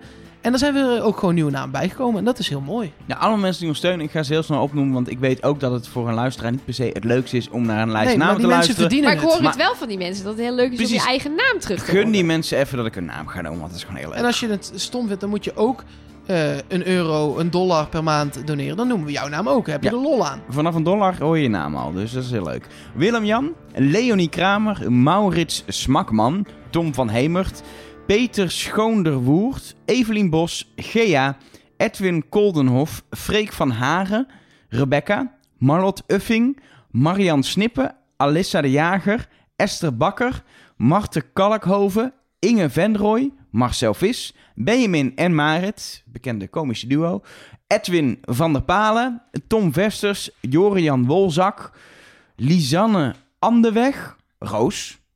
Sommigen zeiden, die- je mag zelf je naam invullen. Dus sommigen hebben dan geen achternaam gehad, grappig. Eh Inga Kersenbergen, Rob V. Adelberg, Puk Schuivens, Grotduiker. Dat is een mooie naam. mooie naam. Dat is een goede opdracht ook, Grotduiken. Eh, Willem Groen, Ellen Vonk, Wouter Boers, Kelly, Hubert Vliesijn, Kimberly de Jong, Marie-Elise Kuiper en Floris Bernhard. Een vraag is, is dat dan familie van Prins Bernhard? Maar daar zullen we nooit achter komen. En ik heb ehm, eh, eh, nog mensen waarvan ik het eh, kleine vermoeden heb dat ik ze ooit ben vergeten voor te lezen. Nou, dan, stel ze niet, dan is het bonus. Dan komen we nog een keer. Dat zijn Lennart Violen, Wim Vis en Hendrik Meeuwis. Ik heb namelijk de hele administratie deze week weer gedaan van de Patreon. Toen kwam ik die namen tegen. dacht ik, heb ik die wel voorgelezen? Dus bij deze. Alsnog. Dankjewel allemaal. Het kan nog altijd. Ehm, en, want je kunt ook bijvoorbeeld de extra content die we maken, gewoon met terugwerkende kracht, ook nog steeds gewoon beluisteren als je nu... eh, hè, we hebben een 1 dollar, een 3 dollar, een 6 dollar en een 10 dollar ja, tier. Eh, en als je 6 dollar tier nu doet, dan kun je nog steeds die extra content gewoon luisteren, bijvoorbeeld. Over extra content gesproken. eh, bij deze kunnen we denk ik wel beloven dat binnen nu en twee weken... we wel weer een extra podcast gaan maken. Speciaal voor eh, Patreons vanaf eh, 6 dollar. Zeker. En dan gaan we meteen door naar de Trust Nobody hotline. Die is speciaal voor, voor Patreons. Ehm, maar als je via, via het nummer krijgt, mag je ons altijd appen. Weet je, dat vind ik ook niet erg. Maar in principe is het de Patreon hotline. Daar sturen mensen echt ook audio-appjes op, vind ik heel leuk. Ehm, en onder andere Xander, die stuurde echt direct naar de aflevering. Maar dan bedoel ik echt direct naar de aflevering. Ja, de aftiteling was nog bezig. Precies. Eh, De vooruitblik naar vorige week was inderdaad eh, net, eh, net bezig. En toen stuurde die dit. Stom, stom, boe, stom. Nou, dat is een duidelijke boodschap. ja. Ik denk dat er wel meer mensen zo op de bank zaten. Dat is wel Nou, lekker. Ja. Mensen die gewoon eraan denken om, om die emotie te uiten via een audio-appje aan ons. Heel Daar goed. ben ik heel blij mee. Nou, ik moet ook even zeggen, er zijn ook mensen... Er is één iemand, volgens mij was het Roos, als ik het goed heb onthouden. Die zat vannacht om één uur s'nachts alleen thuis... en kon bij niemand haar eh, dingen over Wie is de Mol kwijt... en heeft toen negen audio-appjes naar ons gestuurd. Oh, Roos. We, echt, we, we hebben, we hebben net iets te veel te bespreken... om dit allemaal in de podcast te laten horen. Maar We got your back. precies, jongens, we vinden dat tof als we, jullie z- dat we doen. zouden er bijna een extra aflevering van kunnen maken. Zoveel is het Ja, aan gewoon alle- audio-appjes. Alle appjes van eh, iedereen achter elkaar plakken... dan heb je eigenlijk ook onze podcast. Ja, zeker. Waar is het dan? Want dan pak ik heb een pak mail, dan pak ik dat erbij. Nee, ik doe, nog- we doen nog, we doen nog één inhoudelijke Ja, nee, ook. goed. Want we, dit was natuurlijk... Ja, dit, dit is ook inhoudelijk, maar niet inhoudelijk qua verdenkingen en zo. Eh, Tom van Hemert. Hallo Tom hier. Ik heb nog een iets gezien gisteravond in de aflevering van Wie is de Mol dat me aan iets deed denken. Namelijk Rick Paul, die eh, bij de opdracht met de stenen, als het ware, zei... Ik moest eh, de M maken van Mol. Nou, dat deed mij enorm aan iets denken. En namelijk aan Jan vorig jaar. Die dus bij de verfopdracht in die fabriek, of in ieder geval in die grote hal... met een M van Mol het woord Mol arceerde. Hint, geen hint, geen idee. Ik stuur hem toch maar even op. Succes! Nou, Tom, bedankt eh, als eerste. Dit is natuurlijk die opdracht vorig jaar met die woordzoeken, weet je wel, in die fabriekszaal. Die schijnt daar nog steeds op de vloer te staan, heb ik eh, begrepen. Dat is, wel, dat is wel grappig, die hebben ze nooit weggehaald. Maar dat ging inderdaad, eh, Jan ging inderdaad eh, met, een, eh, met een M ging die, ging die het woord mol weghalen. Ja, het zou een hint kunnen zijn, maar het kan Ik ook denk dat gewoon het ook Rick Paul wel- zijn die de M doet in dit geval. Ik denk dat het toen was het ook wel de brutaliteit van Jan. Dat past heel erg bij zijn molschap. Om dan te denken, ja, weet je wat, ik ga hier dat woord mol wegstrepen. Want ik ben niet voor niks de mol. Dus ja, of dat dan ook is hoe Rick Paul het zou doen. Ik vond dat toen ook al wel een beetje misleidend, omdat er ook andere woorden op- in die woordzoeker stonden die naar mol Ja, eh, precies. Maar goed, hij Maar streepte wel dingen weg met de letter M. Hè? Ja, nee, dat zeker. vond ik dan wel Nee, weer dat was heel net- cool. Had Dat ik allemaal heel niet gezien. Dus Maar ik- qua woorden, Ja. zoals nu de M, ja, het kan. het kan. ja, hij, het- het Rick, kan. Rick Paul doet hier de M met bakstenen. Ja. Ja. Ja, dat zit, dat is, nee. is niks. Dat is Ba- niks. baksteen is niet een hint naar de mol, snap je? Oké. Laat maar. Goed verhaal, Elger. Ik ga alsnog mails erbij pakken. Ja, lijkt me een goed, Goed idee. idee. En tweets en alles. Eh, mailen kun je ons bijvoorbeeld op mol.trustnobody.nl. Dat heeft eh Mabel gedaan. Ehm, nou ja, er wordt gezegd... Ze heeft een theorie over de laatste aflevering. En zij zegt daarmee Niels als mol te kunnen ontmaskeren. Het gaat over de upside-opdracht van vorige week. Daar twijfelde Niels of hij het zou doen in verband met zijn hoogtevrees. En in de zipline-opdracht van deze week besluit Niels het niet te doen. En zij denkt dat Niels dat heeft gedaan omdat bij de upside-opdracht hij nog wel kon mollen en dat er ook daadwerkelijk geld uit de pot kon. Maar bij de zipline-opdracht, dat ging niet over geld, dat ging over vrijstellingen. Dat is voor hem dan een stuk minder interessant als hij de mol zou zijn. Ehm, precies, omdat hij dus niet hoefde te mollen en geld uit de pot te halen, kon hij die opdracht overslaan. Ehm, ook had hij meer credits opgebouwd door in de upsell-opdracht wel te gaan. Zo zouden de kandidaten het minder erg vinden dat hij nu niet ging. Ja, maar het punt is, er is niet eens geld te verdienen in die opdracht met het ziplinen. Dus het maakt allemaal niet zo superveel uit of die gaat of niet voor zijn molschap. Nee, maar zij bedoelt juist dat hij het upsellen nog wel deed, ondanks hoogtevrees. Ja, omdat er iets te mollen was. Ja. Omdat er iets te mollen was. Ja, maar niet gaan, eh, eh, juist op het net laatste... mollen. Precies. Ja. Juist op gewoon eerst zeggen dat je gaat en als je boven staat niet gaan, was ook prima geweest. Dus dat vind ik een beetje... Een beetje nee. En het ding is ook, ik geloof ook wel echt dat je wel durft up te zijn uiteindelijk, maar niet te ziplinen. Ik zou het upzeilen ook wel hebben gedaan, ook al heb ik hoogtevrees. Maar dat ziplinen, nou, ik ga nog liever eh, meteen dat- naar huis Moet je een keer gedaan het hebben. spel uit, dan dat ik aan die zipline had gehangen. En dat meen ik serieus, dat had ik nooit voor mijn leven gedaan. Watje. Nog één opmerking over die zipline is dat wij natuurlijk nu zeggen: ja, je kan daar de mol niet ontcijferen, want die mol heeft alleen maar als doel om geld eh, uit de pot te halen of te houden. En dit gaat gewoon over kandidaten wegspelen. Wat me wel opviel was dat Rick aan het begin van de aflevering letterlijk zegt dat de mol de kandidaten één voor één wegspeelt of naar huis stuurt of hij zegt daar iets over. Dus ik vond dat wel een opvallende opmerking. valt. Ten prooi, oh ja. Maar ik denk eigenlijk dat dat de programmamakers zijn die het gewoon nog even op scherp willen zetten. Zodat je dus niet bij die laatste opdracht denkt: oh, maakt niet uit, de mol kan doen wat hij wil. Maar ik vond het wel een opvallende is- tekst in deze het- opdracht. Ik, ik heb het ook altijd wel gezien als taak van de mol om ook gewoon te zorgen dat de mensen wel naar huis gaan. Als je de kans krijgt om een groepsvrijstelling te verpetsen, zeg maar, dan pak je die als ja, mol. maar Dennis Wening zei bijvoorbeeld weer in Moltalk dat hij het eh, als mol lekker vond om zoveel mogelijk mensen om zich heen Dan te val je hebben. nog minder Want dan op. val je Ja. minder op en dan heb je het makkelijker. Ik kom toch nog heel even één keer terug bij mijn Russische roulette. Oh nee, er gaat al het geld. Dat is voor de mol natuurlijk ook makkelijker om... Stel het wordt weer iets met opbieden of dat soort dingen of chaos. Dan is met z'n zessen gewoon... Dan gaat met z'n zessen wordt er meer geboden dan, dan met z'n vijven. Letterlijk, want je hebt één iemand meer die gaat bieden. Ja. Hmm. Dus het kan voordelen hebben, alleen we weten ze nu nog niet. Het kan ook nadelen hebben, weten we nu ook nog niet. In ieder geval, jij zit op Niels. Wat, zit op wat Niels. vind je van deze theorie? Dat eh, Niels in dit geval eh, dacht, eh, het is niet nodig. eh, Nou, ik denk dat hij echt hoogtevrees heeft. Dus de, ik, ik, deze theorie zou zomaar eens kunnen. Dat het voor hem nu niet uitmaakt en dat hij Nee. eigenlijk inderdaad echt doodsbang was. Maar ik ben het ook wel met jou eens dat zowel upseilen als ziplinen... Kijk, upseilen, dan ga, je een ravijn in, maar er zijn nog een hoop stenen en het zo hoog was het niet. En het gaat niet snel. Nee, en dit was echt 800 meter hoog. Ja. Dat is echt een Ik verschil. zou het zo graag gedaan hebben. Ik zou het ook Oh, hebben gedaan, wat ondanks vet. mijn hoogtevrees. Want ik vind dat ik dat dan gewoon moet doen. Ja, en het is heel makkelijk. Ik heb het laatst in Schotland gedaan. En het voordeel is, bij abseilen is het, is die, moet je een stap over de rand doen. En bij ziplinen begin je gewoon tussen de bomen waar het helemaal niet hoog is. En je gaat heel langzaam weg en dan pas maak je vaart. Dus het wordt pas eng als je niet meer terug kan. Nee, je kunt niet meer terug. Mag ik even, Dus, dan eh, even tussendoor, voordat we mailtje verder doen. Want dit, dit houdt me al een tijdje bezig. En ik denk, ik ga het dan gewoon nu in de podcast vragen. Waarom zitten er ha- handremmen aan het sturen van het ziplinen? Kun je daarmee remmen? Ja, ja, zeker. dat, je zag ook dat eh, niet iedereen dat had begrepen. Maar er waren er een aantal die remden bij het aankomen ik wou net van... zeggen, eh, maar je kan ook ja. remmen als je die als je langs ziet. die bordjes gaat. Zodat ja. je het beter kan zien. Ja. Dat hebben we niemand zien doen, tenminste Klopt. niet bewust. Ik denk dat het ook wel vet is om even hard te gaan. Hey, maar je Heb moet ik- toch die bordjes... eh, Ja. Ik weet niet of je daar ook kan remmen hoor. Want dan zit je nog steeds, ont- gaat hij nog steeds best wel heftig naar beneden. Aan het einde gaat zo'n stiplijn steeds horizontaler. Waardoor je sowieso al door de wrijving en zwaartekracht en natuurkundige verschijnselen van ik niet precies weet hoe ze heten. Eh, langzamer gaat. Ik denk dat wrijving en zwaartekracht dit redelijk goed Oh ja, samenvat. oké.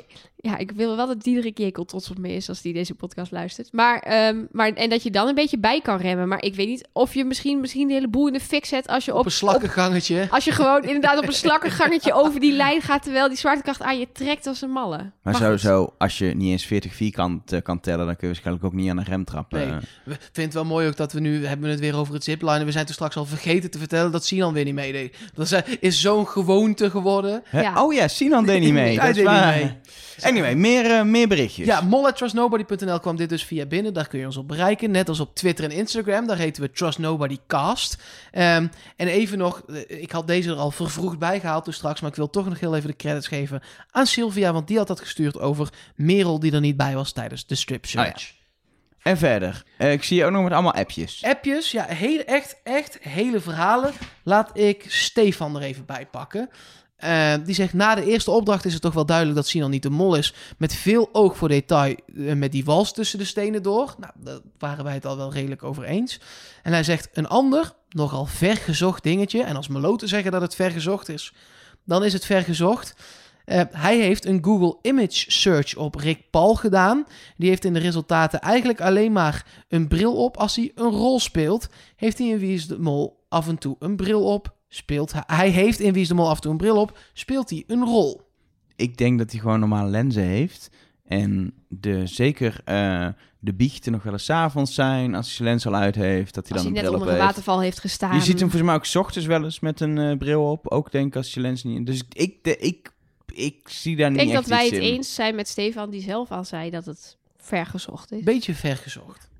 En ook buiten het programma om. Ja, ik vind het altijd wel leuk hoor, dat mensen dan bedenken... Nee, oh, ik ga even, even zoeken of die normaal ook een bril op heeft. En je mag ons er ook mee om de oren slaan als het uiteindelijk wel iets blijkt te zijn natuurlijk. Zo is het ook. Dan eh, heeft Kaylee, nou die zit in een, in een Jamie-tunnel. Nou die tunnel die kun je zo naar Engeland graven inmiddels. Het valt me op dat al die vrouwen kruipen bij Jamie in die tunnel. Ik weet niet wat het is. Ja, Het is heel gezellig in die tunnel. ja laat ik gewoon, ze stuurt echt voor elke opdracht meerdere dingen. Ehm, laat ik die van de rode draad er even bij pakken. We kunnen nou eenmaal, sorry Kaylee, niet alles behandelen. Ehm, ze vond Jamie verdacht bij de rode draad. Een ideale opdracht om bij te mollen. En als, je, eh, en als mol wil je daarom die opdracht doen. Er werd in eerste instantie niet geopperd om het draad los te maken. Dat deed Niels uiteindelijk. Vervolgens is het heel makkelijk om te mollen door stiekem op het touw te gaan staan. Terwijl een ander hem er doorheen probeert te trekken. En zij denkt dus dat Jamie dat heeft gedaan. Dat vind ik nog wel een slimme suggestie. Want ze staan inderdaad af en toe aan weerszijden van die muur te sjorren. Dit is hem, dit is hem. Ja, maar hij beweegt niet. Ja, als jij er inderdaad gewoon op gaat staan. Ja, als, Dan, hij, eh, als hij de mol is eh, en hij heeft gedaan en we zien het uiteindelijk, dan zeggen we, oh ja, maar ja, eh, het is een gok. Wat ik Ja, lastig tuurlijk. vind aan deze theorie is dat het zijn tweede opdracht was. Als je dit als mol nou echt heel graag wil doen en je wil daar een half uur aan besteden, eh, dan zet je jezelf niet in eerste instantie bij die vierkantjes opdracht, want dan is er de kans dat die touwopdracht gevonden wordt. Mag, mag ik ook iets insturen of werkt dat niet zo? Ja, stuur maar iets in. Want ik, ja, maar gewoon, dan doe ik het nu, want anders Ja. dan is het pas Nee, volgende je week. moet even mailen. Ja, ik ga niet nu een mail Nou, ik krijg sturen. een mailtje binnen van Elger. Elger? Nee, wat me namelijk opvalt, ehm, eh, eh, al een tijdje, er is ook wel eens over gemaild bij iemand die mailde, dat hebben we volgens mij toen niet behandeld, maar die mailde eh, bij de, bij de eh, straatbeeldopdracht vorige week. eh, zie je op een gegeven moment een van die puzzelstukken op zo'n op zo'n schildersezel staan. En in een seconde later eh, zie je het weer. En de ene keer is er een hond, die ligt op een bankje erbij en de andere keer niet. Ik denk, ja, dat is Ja, niks. dat, die mail is voorbij gekomen. Ja, sorry, die- ik kan niet alles. Precies, maar niet ik alles denk, daar is niks. Daar is gewoon, die, ze hebben even, er zit tijd tussen, die hond is weggelopen. Maar toen ben ik deze aflevering wel even op honden gaan eh, opletten. Op een gegeven moment zegt volgens mij Merel of Sarah zelfs, hé, hey, een hond. Ja, en bij die negen verschillen opdracht liggen er op een gegeven moment gewoon twee honden eh, Ja, pal in die- naast die opdracht te pitten. In die steenfabriek waren honden, maar ook in alle tussenshots zijn continu, los van de vogels die we zien, eh, eh, in de mooie natuurshots, heel veel hondenshots. Er zullen daar ook heel veel honden Volgens zijn. mij, omdat er heel veel honden, je ziet ze ook gewoon op straat lopen, heel veel honden zijn. Maar ze worden ook niet alleen als tussenshots dus in beeld gebracht, maar ook best wel heel bewust zitten ze nu in, in opdrachten ook. Vind ik wel dat ik denk, dat kan uiteindelijk zijn. Dan weet ik nog niet wat we met een hond moeten, dus ik heb er helemaal niks aan. Maar ik vind het typisch ding dat uiteindelijk blijkt dat het dan een hint is en dat we denken... Ja, dat is zo'n hint. Daar hebben we. Ja, die honden zijn wel opgevallen. Maar ja, de link tussen hond en Sinan, omdat ze allebei lui zijn, had ik niet gelegd. Nee. Dus altijd een beetje, een Nee. beetje lastig, dat soort dingen. Maar ja, weet je, dat met die vogels, dat zou dan nog rechtstreeks naar Merel wijzen. Ik las het ook zijn op het duiven forum... en, eh, en, en roofvogels ja, het zijn en ook zo. vogels. Maar bij Margriet waren er toch ook niet alleen maar Margrieten in beeld, maar gewoon heel veel Ja, dat is ook wel een ding. Met, met, het is al een aantal keer gedaan dat ze, dat ze iets heel erg in beeld brachten. En ik zag op het forum iemand voorbij komen die zei: lopen heel veel mensen met wandelstokken. Het begint op te vallen. Ja, volgens mij zijn er gewoon veel oude mensen in Colombia. Ja, en, en, veel heb je die- zwerfhonden. ja, en heb je en die straten veel- gezien? Dan ga je met een rollator Nee, niet ver komen. de- Dus die oudjes hebben gewoon allemaal een wandelstok. Ja, goed. einde. En door. Ja. Ja, nou, en door. Laten we inderdaad doorgaan. Want jij hebt aan het begin geroepen, ik heb deze week een hele hoop. ja, Dus ik zit eigenlijk al eh, de hele tijd te wachten tot we de- dit kunnen gaan doen. Ja, willen jullie eerst eentje die ik, die ik meteen weer heb ontkracht? Ja, vergezocht eerst. Vergezocht ja, eerst. vergezocht Een eerst. hele mooie vond ik dat er in de teksten eh, heel vaak maar wie voorbij komt. Eh, dus dan zegt Rick bijvoorbeeld in een presentatietekst: ehm, We hebben gezien dat er iemand heeft gemold. Maar wie? En dat begon op een gegeven moment op te vallen. Niet mij, maar iemand, eh, iemand anders. Ik kwam dit op het uh, forum tegen. Ehm, en diegene zei: Ja, iedere keer als dat in beeld komt, als iemand dat zegt, komt Rick Paul in beeld. En toen dacht ik, nou, dat vind ik nog wel mooi. Gewoon, maar wie? En dan deed het Rick Paul. Dus toen ben ik dat terug gaan zoeken. En dat gebeurde inderdaad een paar keer. Uh, maar in uh, aflevering 3 en 4 niet. Heeft hij geen één keer maar wie gezegd? Of Jawel, dat... maar dan kwam Rick Paul. kwam iemand anders. Ja, dus dan denk ik weer, ja, Als het niet niet, het volledig is niet, consequent nee, is, dan... moet, eh, dat is, ik heb toevallig ook nog een, een, een uh, soort artikel teruggelezen. Dat stond volgens mij in 2011 of zo in het molboekje. Waarbij de productie zegt, hoe herken je een Wie is de Mol hint? Dat was een interview met Pieter Jan Hagens toen nog. En daar staat ook in, het moet consequent zijn. Het moet altijd kloppen. Je moet niet een uitzondering kunnen vinden. Nee. En in dit geval denk ik, nee. Wat nog wel zou kunnen, en dan moet je even loslaten dat het gaat om de mol. Maar dat je dan wel in dat shot elke keer ziet wie daadwerkelijk de vorige opdracht heeft verpest. Oh ja. ja. Dat zou ik nog wel Beetje- geinig vinden. Een beetje Een informatie. soort Easter egg. Ja, extra informatie voor de kijker. eh, Ja. ja. Omdat iedereen een beetje de mol is dit seizoen. Maar echt, ja. Ik hoop namelijk nu dat het nu een beetje duidelijk gaat worden. Nou is er ook wel vaker een muzikale hint geweest. Dat er dus in de soort muziek die er onder de afleveringen zit, eh, dat dat dan muziek is van film X. En dat die titel dan op een of andere manier naar de mol verwijst. Is dat, ja, zijn dat Dat hints is- geweest in de muziek? Er is volgens mij wel eens eh, Oh. een, eh, een, een, een, een, volgens mij een klassiek stuk of zo gebruikt wat er dan op wees. Er is ook een keer, dat is al heel lang geleden, dat als je het omgekeerd afspeelde, dat je hoorde wie de mol was. Dat Ja, kan dat- nu echt niet meer. Dat kan echt niet meer, want iedereen draait alles, eh, luistert alles. Maar eh, in dit geval is er ook nog weer een hint. Ehm, eh, er wordt veel muziek gebruikt uit Westworld, de eh, serie. ehm, met Anthony Hopkins is dat volgens mij, over een wereld met robots en zo. En daar zit een scène in, ehm, waarin een van die robots, ik heb de serie nooit gezien, dus als ik het niet goed zeg, sorry, die ziet voor het eerst iets buiten dat pretpark waar die robots in leven. En die ziet dan een stad van boven, zit hoog in een soort penthouse en die ziet al die lichtjes. En die zegt dan wat Nielsen zei toen hij op het dak stond eh, bij de executie. Het is net alsof alle sterren van de hemel op de grond zijn gevallen. Zij zegt dat in het Engels. Het is It's like all the stars from the sky are scattered on the floor. Maar het lijkt er wel heel erg op. En het is dan toch wel een beetje apart dat Nielsen dan die tekst gebruikt om dat te beschrijven. Terwijl er ook nog muziek van Westworld wordt gebruikt. Maar ja, wat het dan betekent, is Dat de dan mol? Ja, Mark begint hiervan te glunderen. Ben ik vooral benieuwd, werd de Westworld muziek gebruikt op het moment dat, Dat- hij dat zei? Dat, dat zou ik nog even na moeten kijken. Maar goed, ehm, dan heb ik nog twee hele leuke. Ik ben benieuwd naar de zipline groen-rood dingen. Want het Nou. kan niet anders dan dat het iets te maken heeft met de schermen uit de test. Want Precies. rode want schermen, groene schermen. het waren inderdaad tien schermen. En de helft was rood en de helft was groen. Maar en het was nummer- niet... Ik dacht eerst, dit is de volgorde van de schermen voor de rest van het seizoen. Maar dat kan helemaal niet. Nee, dat kun je op nee, dat, dat moment is, niet eh, weten. Nee, precies. Dan kun je achteraf editen, maar dan kun je niet daar ophangen. Wat je wel weet, is wie er als vijfde naar huis zou zijn gegaan als de schermen getoond waren. Want er Oh ja, waren de test vijf. geweest de test is geweest op dat moment. Als ze van die zipline afgaan, hebben ze de test al gemaakt. De dag ervoor zelfs al. Dus de productie kan. Ja, maar hoe kan ik uit die volgorde halen wat de schermen zijn? Nou, daar zijn de maloten flink op gaan puzzelen. En het me- er zijn twee theorieën. eh, laat ik met de meest geloofwaardige beginnen. Dat nee, is... doe eerst eentje die, Oh, die, niet klopt. Dat vind ik leuker. Oké, degene die... Anders Jij ga ik niet meer nemen. jij nee, maar anders, van het weer nee, maar leggen. anders ga ik daarna niet luisteren naar die tweede. Oh ja, Nee, oké. oké. Nou, degene die ik zelf het vergezocht vind, is... Nou komt hij weer, hè. De volgorde was rood, rood, groen, rood, groen, groen, rood, groen, groen, rood. Gewoon uit, uit de hoofd, hè? Nee, Even ik lees het nu voor uit mijn boekje, lief schat. Oh. Ehm, en als, ik dat, eh, als je dat omdraait, dus je, ziet, je doet het vanaf de andere kant... en je legt dat over de leader heen... dan is het precies het omgekeerde van wat er aan de hand is. Dus dan is het... Dus iedereen die er nog in zit, krijgt rood. En iedereen die er al uit is, krijgt groen. Behalve Rick Paul. Die krijgt niet rood, die krijgt groen. Dus die zouden dan... Ja, ik zie jullie nu echt heel erg... Nee, ik snap wat je, je moet bedoelt. en omkeren Ja. en, en, en de inverse pakken, Ja, zeg maar. precies. Dus je keert hem om en dan En is dan de draai je ene- alles en dan om. draai je al. Dus dat is een beetje ver. Dan gaan we met de consequentie, is dat ver te zoeken. Ja. Eh, wat ook kan is dat dit, want je gaat natuurlijk met de ziplijn van hoog naar laag, dat je de ehm, kandidaten op leeftijd zet. En dan de kandidaten koppelt aan die rode en die groene schermen. En dan klopt het namelijk precies Van hoog naar laag, zeg maar. van, hoog naar ja. laag. Ja, en dan krijgt eh, Sarah ook een rood scherm.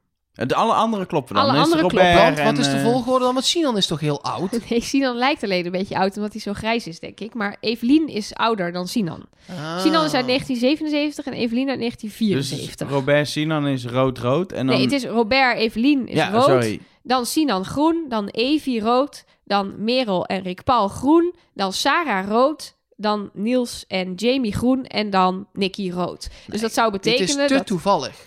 Nou ja.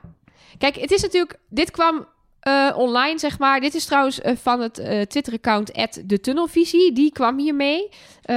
Ja, je gaat, gewoon, je gaat gewoon puzzelen. Je gaat denken: oké, die volgorde.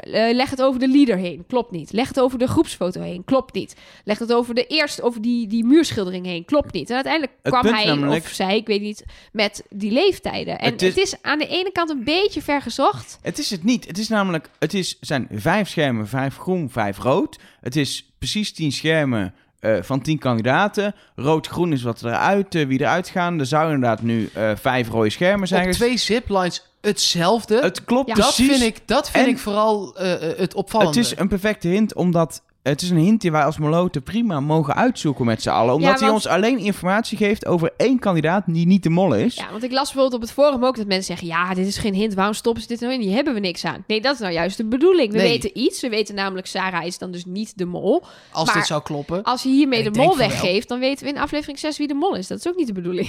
Nee, dat hebben ze één keer gehad met Klaas van Kruistum. En het was niet zo heel leuk om dan nog naar het eh, seizoen van Wie is de Mol te kijken, als je Nou, het dat al is weet. nog steeds leuk, maar je wist het Ja, eigenlijk ik vind, het, ik vind het leuker als ik... Als ik Oké, ik kan nu Sarah dus echt wegstrepen. Dat had ik ergens al wel gedaan, maar dan nu... Weet je, dan... Ja. En dan is het dus Sinan, zeg maar. Dat je dat dan op die manier kan Ja, eh, ja. concluderen. No way, het is echt niet Sinan. Ehm, ja, en dan nu de klapper van de week. Oh, dit was niet te klappen. Nee, want ik denk eh, dat we nog eh, dat we eindelijk eh, met z'n allen hebben ontdekt wat die leader hint nou eigenlijk betekent. Oh, En dat we ons een beetje op het verkeerde hebben gefocust. Want er zaten weer nieuwe beelden in van de puzzelstukjes die door het water gesleept worden, waar we het al heel vaak over hebben gehad. En ehm, er was ook weer een klein beetje meer te zien. Er was een, een nieuw... Oh, daar flink meer is het, hoor. Ja, het is... oh, jongens. oh, als dat het niveau is.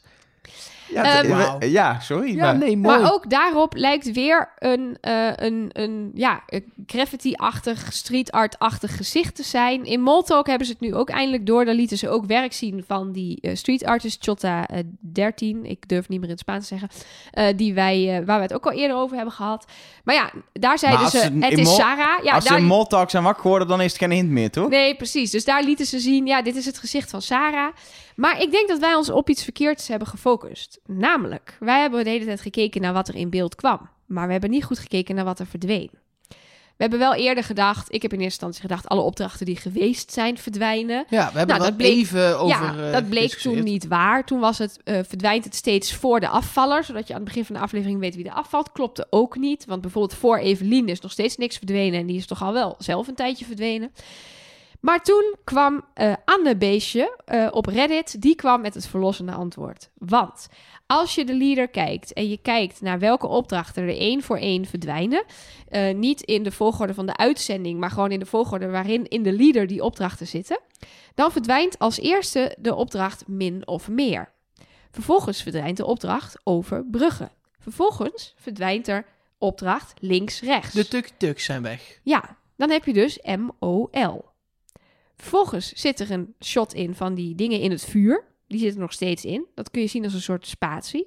Vervolgens verdwijnt de opdracht in zicht. Dan verdwijnt de opdracht sleutelhanger. Dus dan heb je nu mol is. En dan volgt er over 1 à 2 afleveringen initialen van de mol. En dan weten we het. Mag ik even... even ehm, we hebben mol is, dus we hebben... Hoeveel, hoeveel scènes zijn het in totaal?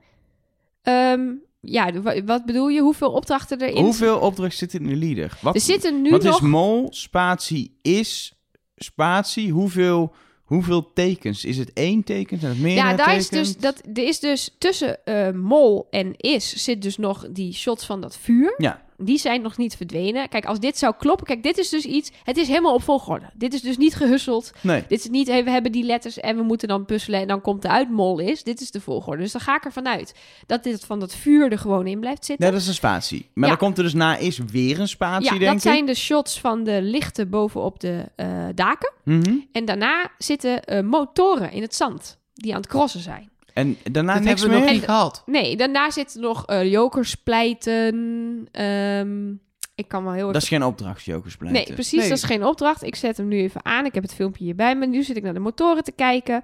Na de motoren komt inderdaad jokerspleiten. En dan hebben we Sarah. En dan is het afgelopen.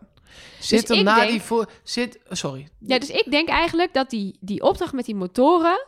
dat gaat eh, ons een nieuwe letter opleveren. En dat is dan een initiaal van de mol. Maar die zit pas in de laatste aflevering misschien. Dat zou goed kunnen, ja. Dat we daar nog even op moeten wachten. Ja, ik, zat, ik, zat, te- ik zat te vragen naar die spaties. Als er namelijk twee spaties zijn, zeg maar nog twee tekens, twee opdrachten, dan past daar RP in. En de rest heeft gewoon één voorletter. Ja. Nee, maar het dus is, dacht, misschien het is kunnen dus- we daar al een conclusie uit Wie trekken. komt er, als je de zin zou afmaken, uit eh, mol is, wie wordt er daarna voorgesteld? Kun je hem nog eens Oh ja, afspelen? Ja, daar kan ik. Mol is spatie, de eerstvolgende die wordt voorgesteld. Even kijken, dan gaan we even Dit, terug. dit is hem wel, jongens. Dat denk Ja, ik ook. zit- Oh, ik krijg nu reclame op YouTube, jongens. Oh, wat Lekker leuk. nou. Nee, maar inderdaad, dat, ze- dat zei ik ook. Dit, deze hint, het is duidelijk dat er iets verandert in die leader. Dat je daar iets mee, mee moet. En wat ik heel erg overtuigend vind aan deze hint... is dat het je niet vanaf aflevering 1 ergens op kan brengen. Je, moet, je, je wordt langzaam naar een ontknoping gebracht. En dat is denk ik wat je als maker wil doen. Dat je wel je mensen tien weken lang laat puzzelen... Maar ik, heb, ik zit nu vervolgens in... ah, dit schiet niet op. Ja, kijk. Ik heb vervolgens op de advertentie geklikt op YouTube. eh, en eh, zit nu advertenties te kijken. Maar goed, dus dat je... Je geeft het niet meteen weg. Maar... Nee, ik denk dat je gelijk hebt. Je, je Nou, speel heel af. Ik- spannend. ik- Ja, nee. Sorry. Ja, even kijken. Dit is Rick Paul. En dan zitten we bij de I van inzicht. En dan de S van sleutelhanger. En dat is Niels. Ja, na Mol is... Mol is Niels. Mol Nou, is? Niels. Ja, Ja, ik, ik, ik, kom niet meer uit mijn tunnel. Nee, het is, het is echt... na de spatie van de ex... Ja, dat is Evelien. Die is al weg. Ja, het, het is, Niels. het is, het- ik denk echt dat zodra we die motoropdracht hebben en we zien wat de titel is, dat we conclusie kunnen trekken. Dat zal dan wel eh, over twee afleveringen pas zijn, zeg maar. Niet Dat- volgende week. nee. Maar... Zat ook niet in het voorstukje. Wat we, nee, precies. Wat wel raar is, is dat er tot nu toe elke keer een shot is veranderd. En als deze, deze theorie klopt, dan moet dus nu in ieder geval volgende week niks veranderen. Want, want dat zijn de spaties, zeg maar, die we tot nu toe hebben ge- ge- gelezen daarin. En die motoropdracht zit er nog niet in. Dus er zit nergens meer ruimte om nog een shot te veranderen. Nee. Dus, Dus- we gaan volgende keer zien wat ze gaan klooien met die lieden nog. Ja, of er überhaupt een, een verschil is. Maar ik vind het een leuke theorie. ik vind het een hele Dit, ik- mooie... dit is hem, maar ik denk ook, ze gaan niet ons volgende week nu op die manier verraden wie de mol is. Ze, ze- dit melken ze uit tot, de- tot, tot de laatste aflevering. En En, dan. Ja. is het de bevestiging wie het, eh, wie het is, als je goed hebt opgelet. Ja, dus alle credits naar eh, Anne Beestje op Reddit eh, voor deze... Applaus. deze woe! En dan heb ik nog even, dat zijn niet echt alihoedjes dingen, maar wel even wat leuk, leuk, leuk nieuws. Van de Instagram van Rick McCallell, de regisseur van Wie is de Mol. Uh, want hij heeft uh, dit seizoen het schrikbeeldtelefoontje gehad. Wat hij elke, elk seizoen een keer heeft. Namelijk de productie belt hem. Rick, je opdracht werkt niet. We moeten over 12 uur draaien. Hij werkt niet. Bedenk maar iets nieuws. Maar dus hij, wat werkt niet? Ja, dat weet ik niet. Maar het, hij werkt niet. Hij klopt niet. Of hij, ze krijgen hem niet aan de gang. Of ze krijgen een, een vergunning niet. Weet, dat zegt hij verder niks over. Het kon niet doorgaan. Behalve het kon niet doorgaan. En hij heeft twaalf uur lang peentjes zitten zweten. En een nieuwe opdracht bedacht. Uh, die moet nog komen. Tenminste, voor deze aflevering zei hij die opdracht moet nog komen. Nou denk ik niet dat er in deze aflevering een opdracht zat die hij in 12 uur heeft kunnen voorbereiden. Hmm. Die steengroeven gaat je niet lukken in 12 uur. Locatie regelen, alles klaarleggen. Ziplinen Nee, die, was, die, die zipline was wel echt bedacht. Voor het hele opzet van het seizoen. Ja. Misschien het tuk-tuk rijden. Lastig gewoon met uh, op het dak de pijlen Ja, en precies. zo. Op het dak zat het nog geplakt. Dus ik denk eigenlijk dat dat nog gaat komen. Um, maar we gaan het zien. Um, ik heb hier staan in mijn boekje foto laseropdracht. Oh ja, ik weet het alweer. Hij heeft een foto geplaatst van die, um, die uh, uh, hal waarin ze die laseropdracht deden. Met een silhouet van iemand in dat groene licht. Die zegt: Even een onderrondje met uh, iemand. Terwijl er negen kandidaten in de ruimte hiernaast staan. Soms moet je snel zijn. Dus hij heeft daar. Het grappige is, iedereen dacht dat het Jamie was op de foto. Maar hij zegt zelf: Nee, ik ben het op ik de kan foto. zeggen, hij is zelf Hij het is silhouet, zelf- toch? Ja, hij is zelf het silhouet, want anders kon het echt alleen maar Jamie of Niels zijn. En de rest viel Hij hij zo af. stom is hij nou ook Nee, weer niet na 19 precies. seizoenen waarvan Maar hij er ik- 17 heeft gemaakt. Ik vind dus, dat eh, wel mooi om dan te weten dat ze dus in die deze opdracht gewoon even een mol onder onsje hebben gehad. Natuurlijk hebben ze dat, dat weet je eigenlijk ook wel, maar dat hij dat dan toegeeft. Ja, soms is dat gewoon zo. Je zit in zo'n loods, de rest is er niet bij. Dan kan je gewoon even, even dingen afspreken. En dan heb ik als laatste nog heel, heel, heel goed nieuws. Want Rick heeft toegegeven op Instagram dat dit programma in ieder geval tot 2022 nog op televisie is. Zo. Kaching. Gewoon, Kaching. gewoon, gewoon Drie even, seizoenen, hè? Gewoon Nog even drie drie. seizoenen erbij. Hoppa. Ja, waarom zouden Avotros en IDTV het niet willen maken? Nee, dat is ook zo. Dus de kijkcijfers reizen weer totaal Maar dat uit. betekent dat we nog twee seizoenen hierna hebben om bekend genoeg te worden om deze podcast om BN'er te zijn. Precies, dat was precies mijn boodschap. We zijn nou, goed op, we zijn, eigenlijk moet in ieder jaar één iemand van ons zitten. Ja, dat is ook leuk. Ja, ik, ik wil niet als eerste. Oké, ik ga wel eerst. Ja? ik ook hoor. Ja hoor. Huh? Waarom wil je niet als eerst? Nou, dan, dan, dan... Ik vind het fijn als iemand anders even de lat legt. Als je dan in aflevering 2 eruit gaat, dan weet ik... Oh, Mogen dan, we dan daarna nog wel de podcast maken als we hebben meegedaan? Dat weet ik niet. Dan mag Annemiek het er ook. Ja, maar En Klaas anders. maakt filmpjes. Ja, ik weet Klaas niet of ze daar heel die- blij mee zijn, hoor. Oh, Dat vraag, ja. ik, dat vraag ik me echt zich af of ze blij zijn met de filmpjes van... van Klaas zit nooit in Moltalk, zullen we maar zeggen. Dat valt wel op. Oh, ja. Hmm. Hmm. Oké. Anyway, volgens mij kunnen we nog een uur doorlullen, maar moeten we naar die ene belangrijke vraag. Wie is de mol? Ja, als jij weer Sinan gaat zeggen, dan eh word ik Sla ik helemaal je hersens in. Jij mag beginnen, Mark. Niels. Nog steeds? Ja, hij is er nog niet uit. En wij zijn tot de conclusie gekomen, het kan letterlijk iedereen zijn. En hij heeft gewoon weer netjes 150 euro bij die eh, eh, tweede opdracht en 150 euro bij die eerste opdracht eruit gevist. Eh, uit de pot, extra en niks ingebracht. Waarom zou ik wisselen? Ik be- ik ben nul zeker, want ook hij doet dingen. Dat touw losmaken, waarom zou je doen als mol? Ja, omdat de tijd misschien op is. Maar hij doet ook dingen waarvan ik denk... Ik zou dat als mol niet per se doen. Maar dat doet de rest ook, dus waarom zou ik wisselen? Nelleke, is het, eh, is het eh, nog steeds Jamie of toch Rick Paul? Nee, ik, eh, ik blijf bij Jamie. Ik vind Rick Paul heel verdacht gemaakt. Zowel deze aflevering als eh, de mensen thuis verdenken hem allemaal. Hij zat heel verdacht in Moltalk. Dat zijn voor mij Maar allemaal hij dingen... zit overal verdacht in. Ja, en dan denk ik...